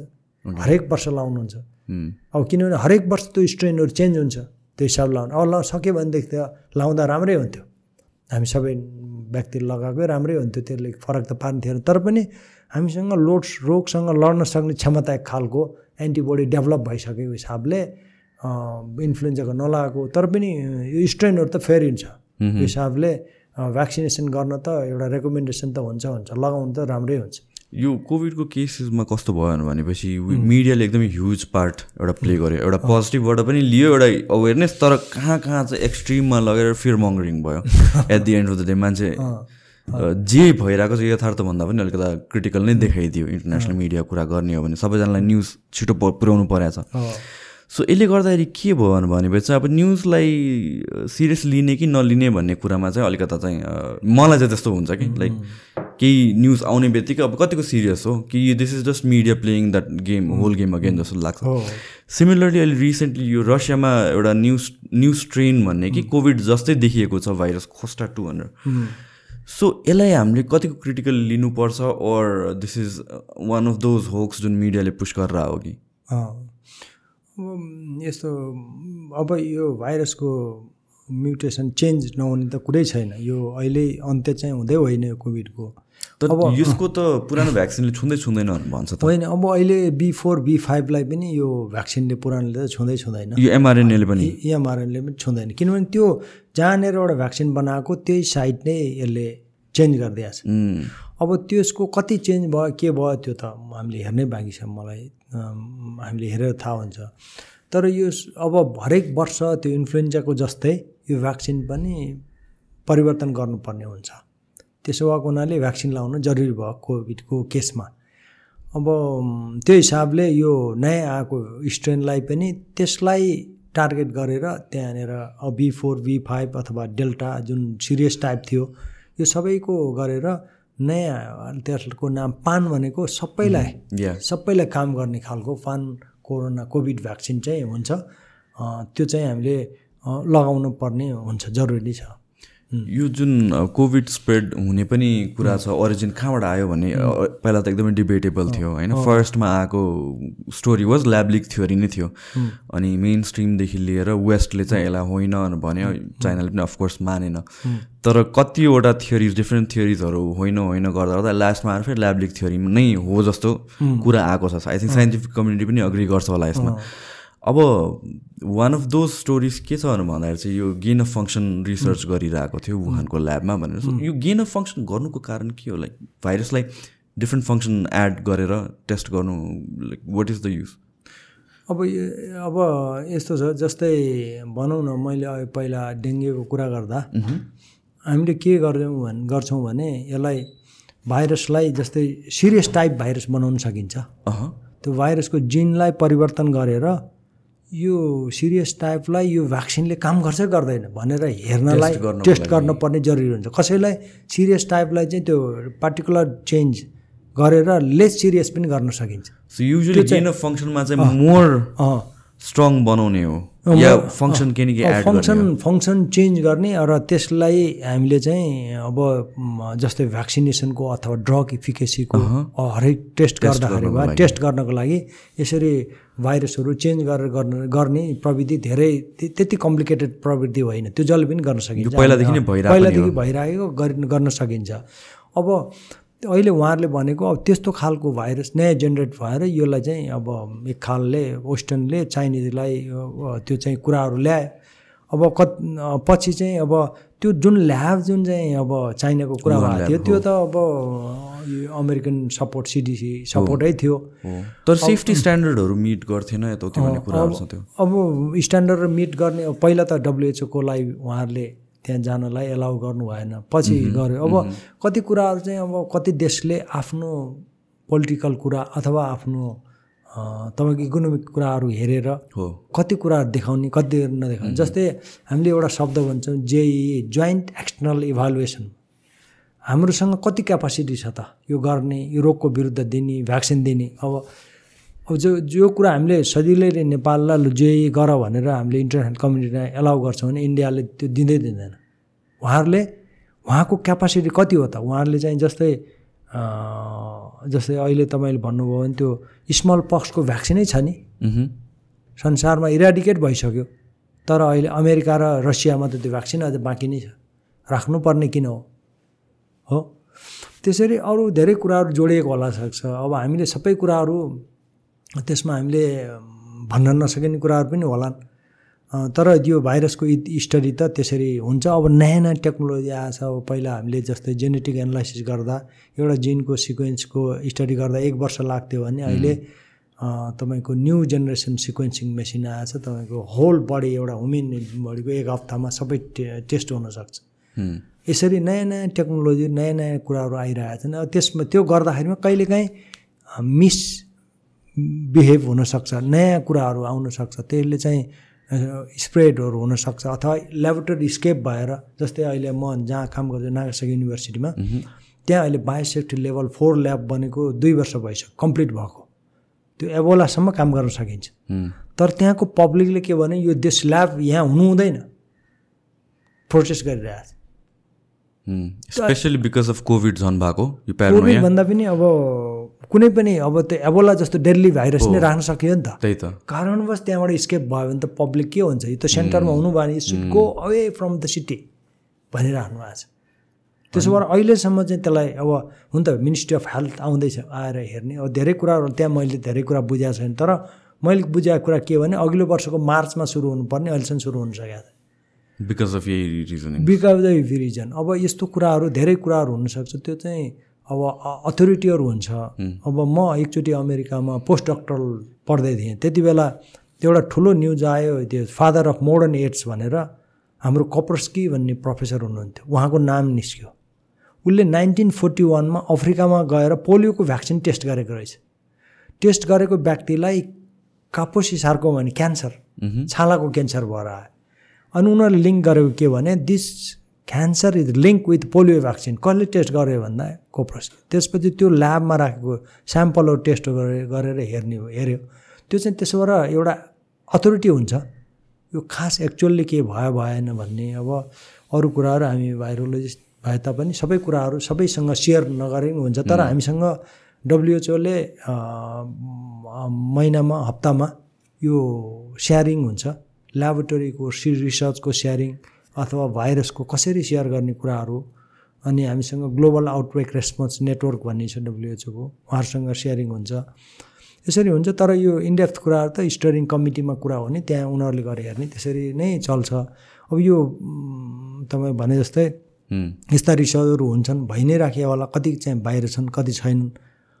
मैले गरेर हेरेको जस्तै त्यो एनआइएचको तल बमले पनि नभेट्ने गरेर कति तल उनीहरूले बनाइरहेको छ कि त्यो भाइरसहरू स्केप नहोस् भनेर ल्याबोरेटरी नेसनल अमेरिकामा यो धेरै कुराहरू होला अब कति कुराहरू पोलिटिकल होला कति कुरा इकोनोमिकलहरू होला यसरी चाहिँ जोडिएको छ। र यो जुन कोभिडको केसेसमा जुन भ्याक्सिन आयो इमर्जेन्सी युजको लागि आयो यसको साइड इफेक्ट्सहरूको पनि कति कुराहरू आइएको छ तर कतिको त्यो ट्रुथ हो कि? जस्तो कि मायोकार्डाइटिसको कुराहरू छ इन वुमेन पिरियड्सको कुराहरू छ नहुने या भन्छ डिलेट हुने मेन्स्ट्रुएसन साइकललाई एफेक्ट गर्ने कतिको ट्रुथ छ यो कुराहरूमा चाहिँ? मैले यो त साइन्टिफिकली आएकै कुरा हो।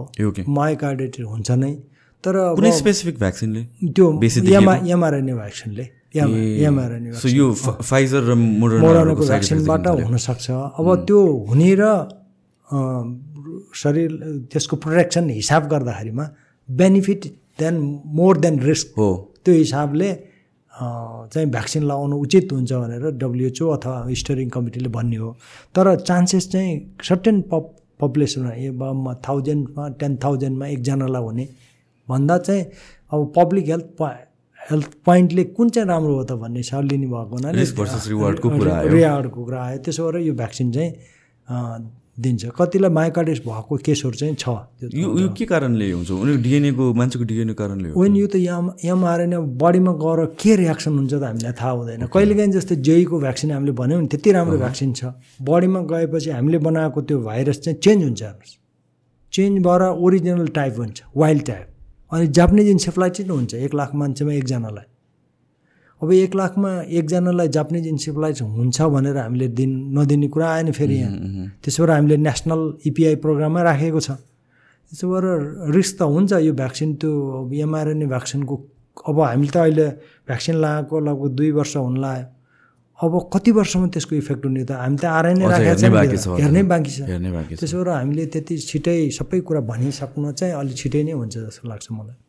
जस्तो कि अब यो कोभिडको केसमा चाहिँ युजली फेटल हुने त प्रि एक्जिस्टिङ केही कन्डिसन छ भने या भने चाहिँ हेल्थ अप टु पार नभएपछि मोर फेटल हुने चान्सेस देखिएको छ कोरिलेसन देखिएको छ। भनेपछि मान्छेहरू जो हेल्दी छ उनीहरूले भ्याक्सिनको रिस्क लिने कि नलिने भन्ने कुरा? अब कति मान्छेले लाउँदै लाएन त्यो हाम्रो के अरे त्यो टेनिस प्लेयर। धेरैजना लाएन। अहिले लाएन। एथलिटहरूले मैले देखिरहेको त्यो जवानमा पनि त्यो यङ केटा ओरले लाउँदैन भ्याक्सिन।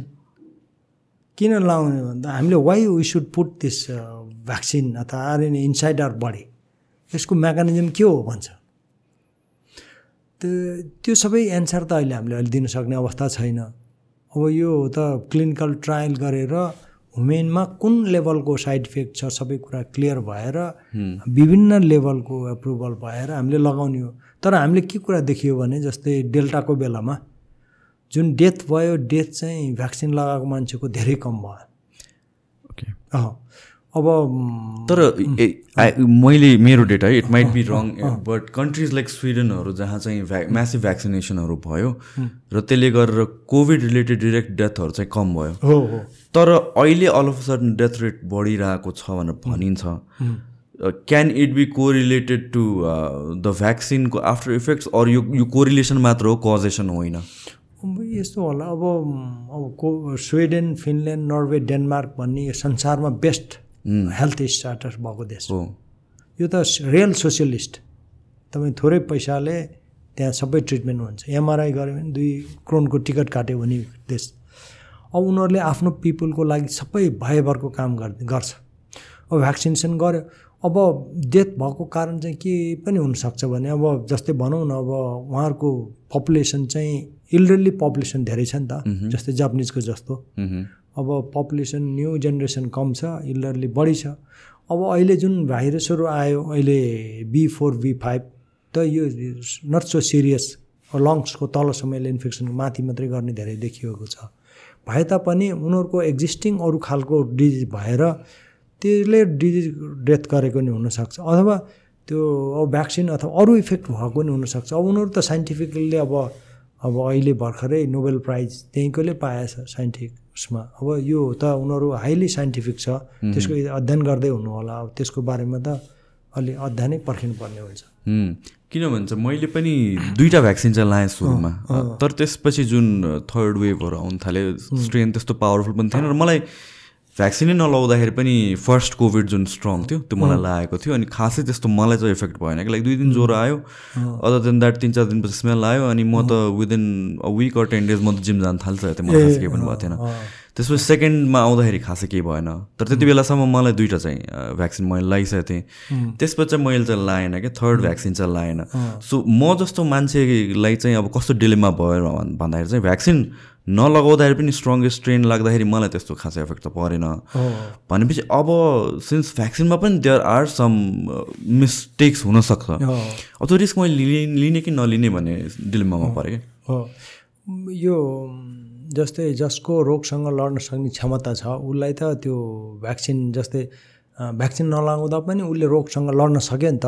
जसको अब डेथ हुने त धेरै जस्तो जस्तै डायबिटिज छ हाइपरटेन्सन छ अब ओबेसिटी छ। मोस्टली एट्टी पर्सेन्ट प्लस भने त ओबिसिटी रिलेटेड नै सम काइन्ड अफ डिजिज नै सम काइन्ड अफ डिजिज छ। उहाँहरूको पहिल्यै एक्जिस्टिङ डिजिजसँग जुन फाइट गर्न सक्ने क्यापासिटी छैन। त्यस्तोमा त कुनै खालको इन्फेक्सन हुँदा पनि सिरियस रोग हुनसक्छ नि त। त्यस्ताले चाहिँ एकदमै लाउन जरुरी भयो। अब लाउनु त कति देशले जस्तै अब म फेरि फर्केर जान्छु तपाईँको तिनवटा डोज भ्याक्सिन नलागेको भने उहाँहरूको रेस्ट्रिक्सन छ। Ah okay.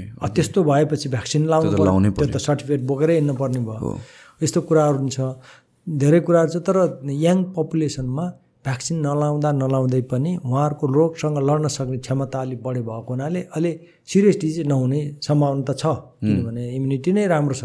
तर अलिकति सिरियस अलि सिनियर सिटिजन अथवा अर्को रोग छ भनेदेखि त्यस्तोलाई त जरुरी एकदमै लाउनुपर्छ त्यसरी स्केप गर्न त मिल्दै मिल्दैन। सो जस्तो कि यो भाइरसहरूको नेचर इन जेनरल जस्तो कि इबोला पनि पहिला सुनेको थिएँ अनि अहिले फेरि सुने। हो अब यो मैले मात्र त्यस्तो सुने हो कि यो आउटब्रेक नै आफ्टर लङ टाइम भएको।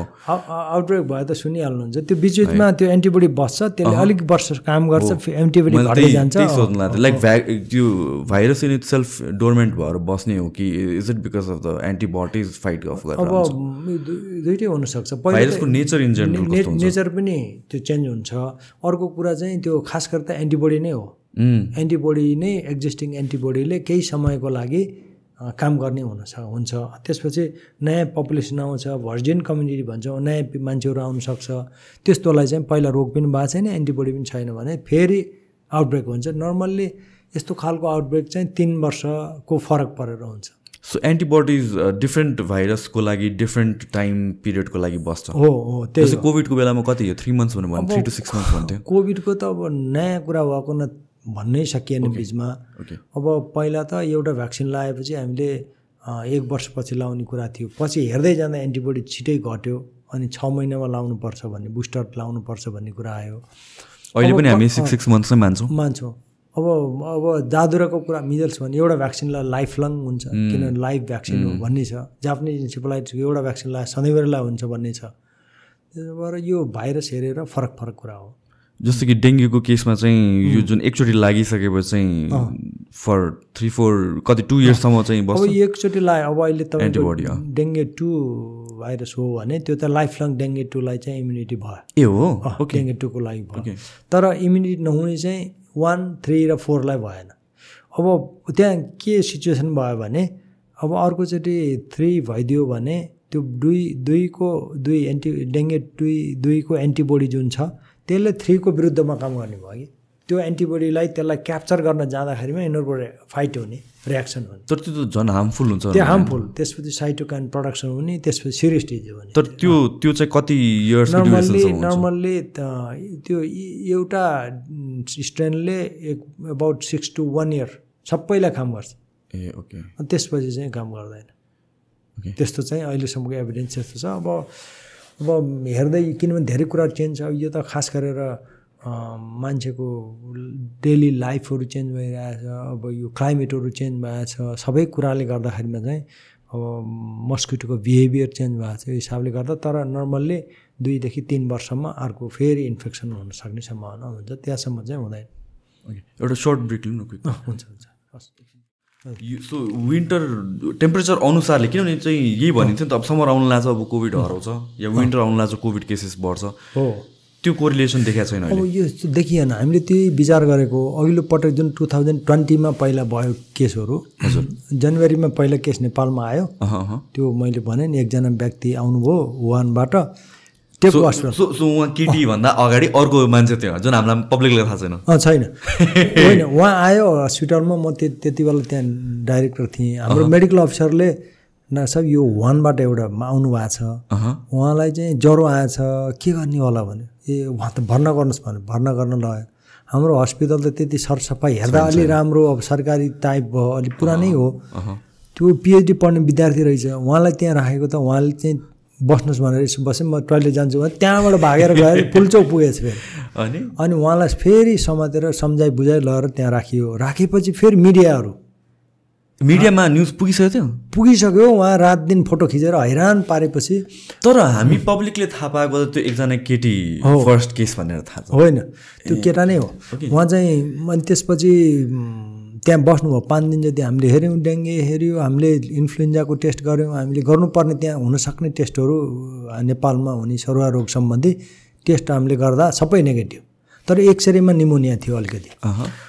अनि पछि हामीले होइन यो त डब्लुएचओको र इडिसीको त्यसको त्यति बेला डाइरेक्टर बोलाएर मैले कुरा गरेपछि यसलाई ल यसलाई टेस्ट गर्न पठाउँ भनेर हङकङमा डब्लुएचओ कोलाबरेटिङ सेन्टरमा हामीले पठाएको। पठाएपछि त्यो मान्छे पाँच दिन जति चाहिँ राखेर उपचार गरेर ज्वरो कम भएपछि ऊ चाहिँ हामीले जान नभन्दा भन्दै उहाँ जानुभयो घर। तर त्यति बेलासम्म त भाइरल लोड पनि कम भइसकेको हुन्छ होला होइन? भाइरल लोड त कम हुन्छ तर त्यो रिपोर्ट आइसकेको थिएन। Ah okay okay. अनि उहाँ घर पुगेपछि रिपोर्ट आयो थियो कोभिड नेपालमा फर्स्ट त्यही केसलाई लिएर जनवरीको ट्वेन्टी थर्डमा नेपालमा पहिलो केस भनेर एनाउन्स भयो।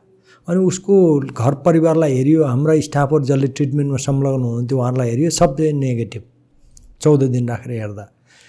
त्यसपछि अनि यहाँले भने जस्तै हुँदै हुँदै आयो केसहरू अलिक बढे तर अब सेप्टेम्बर अक्टोबर नोभेम्बर अब जाडो भयो फेरि किनभने भाइरस त नर्मल्ली टेम्परेचर लो हुँदा बढ्ने हो इन्फ्लुएन्जा खास गरेर। हामीले हेऱ्यौँ तर जाडोमा बढेन। कोभिडको केसमा केस घटेन त्यसपछि घट्दै गयो अनि आएर फेरि जब तपाईँको अप्रिल मे भएपछि फेरि केसहरू बढ्यो। त्यति बेला गर्मी भइरहेको थियो गर्मी। म्याक्सिमम् केस चाहिँ हजुरको मेमा टु थाउजन्ड ट्वेन्टी वानको मेमा धेरै death two hundred eighteen case एक दिनमा डेथ भएको। टेम्परेचरले त्यसो भए टेम्परेचर भने अब यो- कोइन्सिडेन्स मात्र यो टेम्परेचर र ह्युमिडिटी अथवा अरू धेरै कुराहरू छ होला त्यहाँ। यो सबै अध्ययन त भइरहेछ तर डाइरेक्टली चाहिँ लो टेम्परेचर हुँदा कोभिड बढ्छ भन्ने चाहिँ देखिएन। Is it because low temperature भएको बेलामा अरू यो रुगाखोकीहरू लाग्ने बढेकोले त्यो त्यो आएको हो कि? रुगाखोकी त छँदै छैन त्यति बेला अहिले त। कोभिड भइसकेपछि रुगाखोकी त धेरै कम भयो। तर त्यही त मैले भन्नु खोजेको कुरा के भन्नु भनेपछि रुगाखोकी कम भएको हो कि रुगाखोकीलाई पनि कोभिड नै भनेर जाँचियो? होइन त्यस्तो होइन रुगाखोकी नै कम। किन एउटा भाइरस भइसकेपछि अर्कोलाई रिप्लेस गर्ने चाहिँ मेकानिजम हुन्छ। त्यसले उसले ओभरल्याप गरेपछि अर्को भाइरस कम हुन्छ। त्यो हिसाबले इन्फ्लुएन्जा त कमै भएको हो कमै छ त्यसो यो हुँदै हो। तर टेम्परेचर र भाइरसको कुरा हेर्दाखेरिमा विन्टरमा केस बढ्ने भन्ने चाहिँ त्यस्तो देखिएन जुन अहिले कोभिडको कुरा हेर्दा त्यस्तो चाहिँ देखिएन। सो अब गोइङ यहाँबाट अगाडि मुभ गर्दाखेरि चाहिँ कोभिड फेरि प्रोमिनेन्टली पहिला जस्तै हुने चान्सेस कतिको छ? आउटब्रेक कि this is the end end of it end end त हामीले भन्न सक्दैन भन्न मिल्दैन भन्नु हुँदैन पनि। होइन I mean like learning to live जुन एउटा मोर मोर डोर्मेन्ट फर्ममा आएर बसिरहेको छ नि त अहिले। हो। त्यस्तै भइराख्ने हो कि फेरि फर्स्ट वेभ जस्तो जान्छ? होइन फर्स्ट वेभ त अब त हुन किनभने धेरै कुराहरू पब्लिकले पनि सिकिसक्यो हामीले हात धुने अहिले। तपाईँ लामखुट्टेदेखि डेङ्गी भनेर अहिले मान्छे कसरी तर्सिन्छ। लामखुट्टेको त्यस्तै सतर्कता भयो। हात धुने कुराहरू सिकेर आयो। मास्क चाहिँ सबै नलाउने कतिले मास्क लगाएकै छन्। अनि भ्याक्सिनेसन छ। यो सबै कुराले गर्दा पहिलाको वेभ जस्तो खालको त हुँदै हुँदैन। तर पनि फेरि आउने जाने त हुनसक्छ। Okay. हुन जान सक्छ तर अघि मैले भने जस्तै यो एउटा खालको रोग चाहिँ थपियो। एउटा खालको लिस्टमा कोभिड नाइन्टिन भनेर चाहिँ फेरि हाम्रो चाहिँ उसमा थपियो त्यो सो यसलाई डिल गर्ने कसरी? आई मिन लाइक मैले मेरो अब्जर्भेसन अनुसार लकडाउन फेरि फेरि गर्नु त इट्स मूर्खता नै हो। यो होइन अब त्यति बेला त लकडाउन गर्नु भनेको कुरा के भनेदेखि त्यसले रोग निको पार्ने त होइन। होइन। त्यसले हामीसँग त्यति बेला पिसिआर गर्ने मेसिन थिएन। त्यति बेला हामीसँग अरू धेरै कुराहरू थिएन अस्पतालहरू व्यवस्थित थिएन। सब बनाउन व्यवस्थापन गर्न समय लिएको मात्रै। तर लकडाउन त गर्नै हुँदैन। त्यही त। गर्नु सेकेन्ड टाइम गर्यो थर्ड टाइम गर्नु हुँदैन। त्यसरी अब जस्तो चाइनिजको जेरो पोलिसी भन्ने छ नि त। अब उहाँहरूले कसरी गरेका छ? त्यो हामीलाई थाहा छैन। तर त्यो नै भएको छ नि। त्यसले गर्दाखेरिमा चाइनालाई मात्रै होइन नेपाललाई इन्टरनेसनल्ली समस्या परिरहेको छ। तिनीहरूको एक्सपोर्ट नभइदिएर हामीलाई समस्या भइरहेछ अब त्यो कुरा त उहाँले गरेको इन्टरनेसनल कुरा हामीले भन्न सकिँदैन। तर त्यो जेरो कोभिड भन्ने कुरा त सम्भव हुने जस्तो त मलाई लाग्दैन। सो लास्टमा चाहिँ अब कुरा गर्नु पर्दाखेरि like what is the possibility of other viruses outbreak अब अहिले जुन करेन्ट सिनेरियोमा यो मैले हेर्दा नि अब अब धेरै कुराहरू यसबारेमा अध्ययन त भइराखेकै छन्। अब यो आउटब्रेक त विभिन्न खालको आउटब्रेक एउटा आउटब्रेक छोडे पनि नेक्स्ट आउटब्रेक त भइरहेको छ। किनभने अब पहिलो कुरा त क्लाइमेट क्लाइमेट चेन्जको कुराहरू छ नि जस्तै भेक्टरको मैले भने नि अस्ति लेसमानियाको माडमा गइसक्यो अर्को भाइरस भइसक्यो तपाईँ हिमालय र हिउँहरू कम भइसक्यो हाम्रो जुन लाइफ स्टाइलहरू चेन्ज भइसक्यो त्यसबाट नयाँ भाइरस इमर्ज हुने चान्सेस चाहिँ धेरै छ। यो सबै कुराले हामीले एक्टिभिटी हाम्रो यो सबै पल्युसनको जुन चाहिँ इफेक्ट छ त्यसले गर्दाखेरिमा नयाँ आउटब्रेक हुने कोभिड नभएर अर्को खालको भाइरस हुन सक्ने सम्भावना धेरै छ। त्यस त्यसको लागि हामी तयारी त बस्नै पर्छ। अब यो सक्यो हामी रिसेफ भयौँ भन्ने चाहिँ हुँदै हुँदैन। चाहिँ आउटब्रेक त हुनसक्छ केही न केही। यो नयाँ भाइरस आउने चाहिँ कहाँबाट हो? इज इट अलरेडी एक्जिस्टिङ होइन। गभर्मेन्ट स्टेजमा कि नयाँ फर्म हुने त्यो पनि हुनसक्छ डमेन्ट हुनसक्छ जस्तै अब तर नयाँ भाइरस नयाँ भाइरस चेन्ज हुने जस्तै एन्टिजेनिक सिफ्टहरू अब भइराखेको इन्फ्लुएन्जा भाइरसहरू छ जस्तै H five N one H seven N one one त्यसमा अर्को खालको हामीले भन्छौँ नि एउटा भाइरसको पुरै भागै चेन्ज भएर नयाँ बन्न सक्ने अथवा एनिमलबाट हामी कन्टिन्युस एमि जनावरसँग सँगै बस्यो भने उनीहरूसँग भाइरसहरू हामीलाई हुने। अहिले अहिले अफ्रिकन अफ्रिकन खङ एउटा भाइरस भने नेपालमा अर्को भाइरस भएर मान्छे सोइलिङ फेस लिएर आएको मान्छे मैले देखिरहेको रिसेन्टली छु रिसेन्टली केनियन भाइरस केन्याबाट लिएर आएको। उहाँले मलाई यो के हो मेरो सोइलिङ भनेर फोटो राखेर पठाउनु भएको थियो। यो उताको भाइरस। त्यसो भएर यस्ता खालका नयाँ भाइरसहरू त्यो चेन्जहरू भन् परिवर्तन हुन्छ। परिवर्तन चाहिँ ताप तापक्रमको कारणले त्यो पानी पर्ने कारणले मान्छेको मुभमेन्टको कारणले त्यो भाइरसले आफैले चेन्ज गर्ने अथवा त्यसरी परिवर्तन हुन हुँदै जान्छ र त्यसले नयाँ भाइरस हुन्छ कुनै चाहिँ माइल्ड भएर जान्छ त्यो केही हुँदैन। जुन सिरियस छ त्यस्ता भाइरसको असर हुन्छ अनि मान्छेको भइसकेपछि अनि मान्छेमा समस्याहरू भएर आउने हो। अब त्यसो यो कुराले गर्दाखेरिमा हामीले के कुरा सतर्क हुनु पऱ्यो भने अब जनावरमा हुने भाइरसहरू हामीलाई हुनसक्छ। हामीलाई हुने भाइरस उनीहरूलाई पनि हुनसक्छ। त्यही भएर इन्टरचेन्ज इन्टरस्पेसिस चेन्ज भयो भने त्यो डेडली हुनसक्छ। यो हिसाबले अब हामीले कसरी छुट्याएर गर्ने हो जस्तै हामीले सुँगुरसँग सँगै बस्न हुने नहुने। घरमा पाले हुन्छ नि कति त हामीले। चराहरू हामीले घरै राखेका छौँ घर कुखुराहरू पालेर राखिरहेका छौँ उसको चाहिँ ने पहिला वुमेनमा एडाप्ट त हुँदैन भइसकेपछि सिरियस हुँदो रहेछ। कुनै स्पेसिफिक एनिमलमा बेसी प्रोन हुने भन्ने हुन्छ? त्यस्तो त जस्तो कि क्याट्स डग्सहरू पनि क्याट्स डग क्याट्स डगहरूबाट पनि सम क्याट्सहरूबाट धेरै रोगहरू अहिले सिसी कोरियन त्यो चाहिँ कङ्गो एउटा भाइरस जाप जापानमा भएछ क्याटबाट आउने भाइरस। मान्छेलाई? मान्छेलाई भएर। एउटा हेमोरेजिक टाइपको सिसिएचएफ भन्छ हामीले। त्यस्तो खालको हेमोरेजिक फिभरहरू भएर त्यो चाहिँ जापानमा कोरियामा अरू देशहरूमा अरू देशमा पनि आउनसक्छ। किनभने त्यहाँ चाहिँ कुकुर चाहिँ बाटोमा स्ट्रिट डग चाहिँ हुँदैन तर क्याट चाहिँ हुँदो रहेछ। त्यसरी सर्ने चाहिँ छ। त्यस्तै अरू वाइल्ड लाइफबाट पनि सर्ने चाहिँ हुँदो रहेछ। त्यो हिसाबले त्यहाँ चाहिँ स्क्रिनिङ गरिराख्नु पर्ने हुन्छ।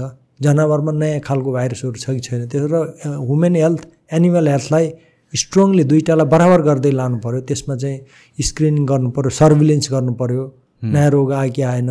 आयो भने त्यसलाई कसरी गर्- गर्ने हो?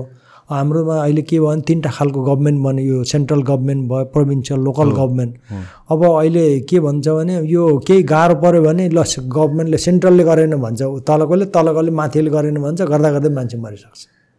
त्यसो भएर हाम्रो यो सिस्टमै डेभलप हुँदाहुँदै मान्छे धेरै मान्छेले चाहिँ ज्यान गुमाउन सक्छ। यसलाई चाहिँ अलि सिस्टमेटिकल्ली म मलाई लाग्ने जस्तो डेङ्गुको कुरामा पनि नेसन वाइड सर्वे गर्नु पऱ्यो अब। कति लामखुट्टे कहाँसम्म पुगेको हो त एडिस लामखुट्टे? त्यो मान्छेहरूलाई हामीले कस्तो मेसेज दिनुपर्ने हो? यो भाइरस अहिलेको भाइरस साँच्चीको त्यो चाहिँ सिरियस हो कि होइन? कुन खालको भाइरस हो त? नेक्स्ट इयर दुई वर्ष आउने भने के त। साँच्चीकै आउने हो कि होइन? सिरियस हुन्छ भनेपछि त त्यो हस्पिटल प्रिपेरेसन गर्नु पऱ्यो एकजना व्यक्तिले भनेर त्यो मान्ने कि अथवा अरू त्यस्तो हामीले त्यसको लागि मेकानिजम गर्ने। अब धेरै जसो हाम्रोमा समस्या के छ भने अहिले आउँछ अब अक्टोबरबाट अलिक कम भएर जान्छ हामीले धेरै राम्रो काम गऱ्यौँ भन्छ अनि राष्ट्रपतिबाट प्राइज सायद दिने लिने के के हुन्छ को कोले अनि त्यसपछि आएर हजुरको अँ, बिर्स्यो। बिर्स्यो अनि दुई वर्षपछि त्यो सिस्टम त कम्प्युटरमा मैले खोजिरहेको छु। मैले अहिले के खोजिरहेको छु भने टु थाउजन्ड फोरदेखि चाहिँ टु थाउजन्ड ट्वेन्टी टू आउँदा कुन लेभलमा केस बढ्यो त भन्दा टु थाउजन्ड टेनदेखि फोर्टिनसम्मको डेटै छैन हामीसँग डेटा छँदै छैन। को हिसाबले बढेको कुन जिल्लामा कसरी गएको हो त भनेर हामीले चाहिँ एउटा मोडेलिङ गरिरहेको छौँ। कसरी प्रेडिक्सन गर्ने त अब? नेक्स्टमा आयो भने कति केसहरू आउने हो त? कुन खालको भाइरस आउने हो अब? भनेर गर्नु तर त्यो हामीले भेटाउनै सकिँदैन। डेटा कलेक्सनै नभएको हो कि? कलेक्सन गरे पनि अब मान्छे म बसेँ होइन। म त्यहाँको डाइरेक्टर भयो भने म बस्ने बेला मैले के गरेँ नेक्स्टलाई मैले दिइनँ कि त।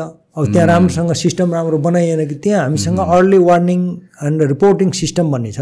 त्यसलाई म म मैले भन्न खोजेको कुरा काम कसैले गरेन भन्नुभन्दा पनि अलि व्यवस्थित खालको। अब म जस्तै त्यहाँ जापान गएँ भने उसले मलाई अहिले अस्ति नै माई एसओएस भनेर राखिदिएछ। सफ्ट म एयरपोर्टबाट छिरेपछि म कहाँ जाने हो? म होटेलमा कति दिन बस्नु पऱ्यो होटेलमा उसले चाहिँ त्यहाँ फोन गर्छ कति बेला। म त्यहाँ छ कि छैन? यदि छैन भनेदेखि चाहिँ उसले खोज्न आउँछ त्यहाँनिर। त्यसरी चाहिँ रोग चाहिँ स्प्रेड नहोस् भनेर।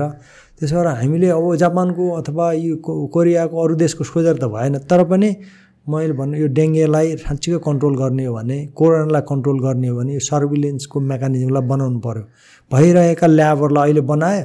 पैसा सस्ती सबै फेरि नगरपालिकाले नि ल्याब ल्याउने। त्यो त सकिँदैन। कहाँ कहाँ गर्न सकिन्छ भन्ने हिसाबले अलिक व्यवस्थित तरिकाले तिनवटा खालको सरकारहरू मिलेर हामीले अब फेरि थ्योरिटिकल कुरा मात्रै गरिदिएर भएन व्यवहारिक कुराहरू हेर्नु पऱ्यो अब जस्तै फोहोर अस्ति काठमाडौँमा महिनौ दिन राखिदियो त्यहाँ त्यहाँबाट त्यहीँबाट लामखुट्टेको वृद्धि। भएको सम्भावना धेरै छ। त्यो हो कि होइन त हामीले हेरेर प्रुफ गर्नु पऱ्यो यसरी हामी अगाडि बढिदिनुपर्छ र अरू आउटब्रेकमा हामी तयारी बस्न सक्छौँ। वी एज इन्डिभिजुअल्स चाहिँ के गर्न सक्छ? इन्डिभिजुअल पहिला अब यहाँ मिडियाहरूले के गरिदिनु पऱ्यो भने कुराहरू पहिला अलिकति त्यसलाई राम्रोसँग बुझेर आएको कुरालाई चाहिँ त्यसलाई क्लियरली बुझेर यो एक्चुअली हो कि होइन भनेर भनिदिनु पऱ्यो साँच्चीको पहिले सुरुमा भनिदियो भने मान्छे पब्लिक त्यसै पानीको हुन्छ अनि पछि चाहिँ गर्दै गर्दैन। त्यो हिसाबले अहिले हामीले जानेको कुरा चाहिँ पक्का कुरा आफूले बुझेको कुराहरू मात्रै भन्नु पऱ्यो कहिलेकाहीँ नबुझेको कुराहरू भन्छ नि अहिले अब जस्तै मेवाको पानी खाऊ अथवा कहिले बेसारको पानी खाऊ कहिले के के खाऊ भनेर भनिदिन्छ कहिले आयुर्वेदको गुर्दो खाऊ भनिदिन्छ। अब गुर्दो राम्रो होला सायद तर त्यसलाई साइन्टिफिकल्ली हेर्नु पऱ्यो नि त। साइन्टिफिक हेरेर पब्लिकेसन गरेर यो चाहिँ ठिक छ this is very good it doesn't effect the त्यो गुर्जो खाएर लिभर फेलियर भएर आउने कतिजना छ? त्यस्तो पनि हुन्छ। त्यस्तो हुन्छ। किनभने त्यो त हार्ड मेटेरियल हुन्छ नि त्यहाँ। कति खानुपर्ने? उसले निको होला भने एक चम्चा खानेमा चार चम्चा पो खाइदियो कि। त्यसो भएर पहिला बुझेर मे मेसेजको कन्भे गर्नु पऱ्यो एउटा। त्यो चाहिँ रिक्वेस्ट मेरो। अर्को कुरा चाहिँ अब यो कुनै पनि रोगहरू त आउन सक्ने हुन्छ। पहिला आफूबाटै जस्तै सरसफाइकै कुराबाट आउँदो रहेछ। हामी सरसफाइ हामीले गर्नुपर्ने हुँदो रहेछ। मस्किटोको लागि त घरमा अब कुलरहरू पानीहरू छ भने त्यसलाई सफा गर्नु पऱ्यो पानी जम्मा हुनै दिनु भएन। अब गमलामा पानीहरू राख्यो भने पनि सुकाउनु पऱ्यो कहीँ पानी जम्मा भएको छ भने हामीले गर्नु पऱ्यो अब हाम्रो नेपालीहरूको हाम्रो चलन मैले धेरै जस्तो के देखेँ भने अब खालि उसले गरेन यस्तोले गरेन भन्ने त आफूले चाहिँ अलि अलि हात नबढाइदिने। Individual individual लेभलबाट नगरिदिने।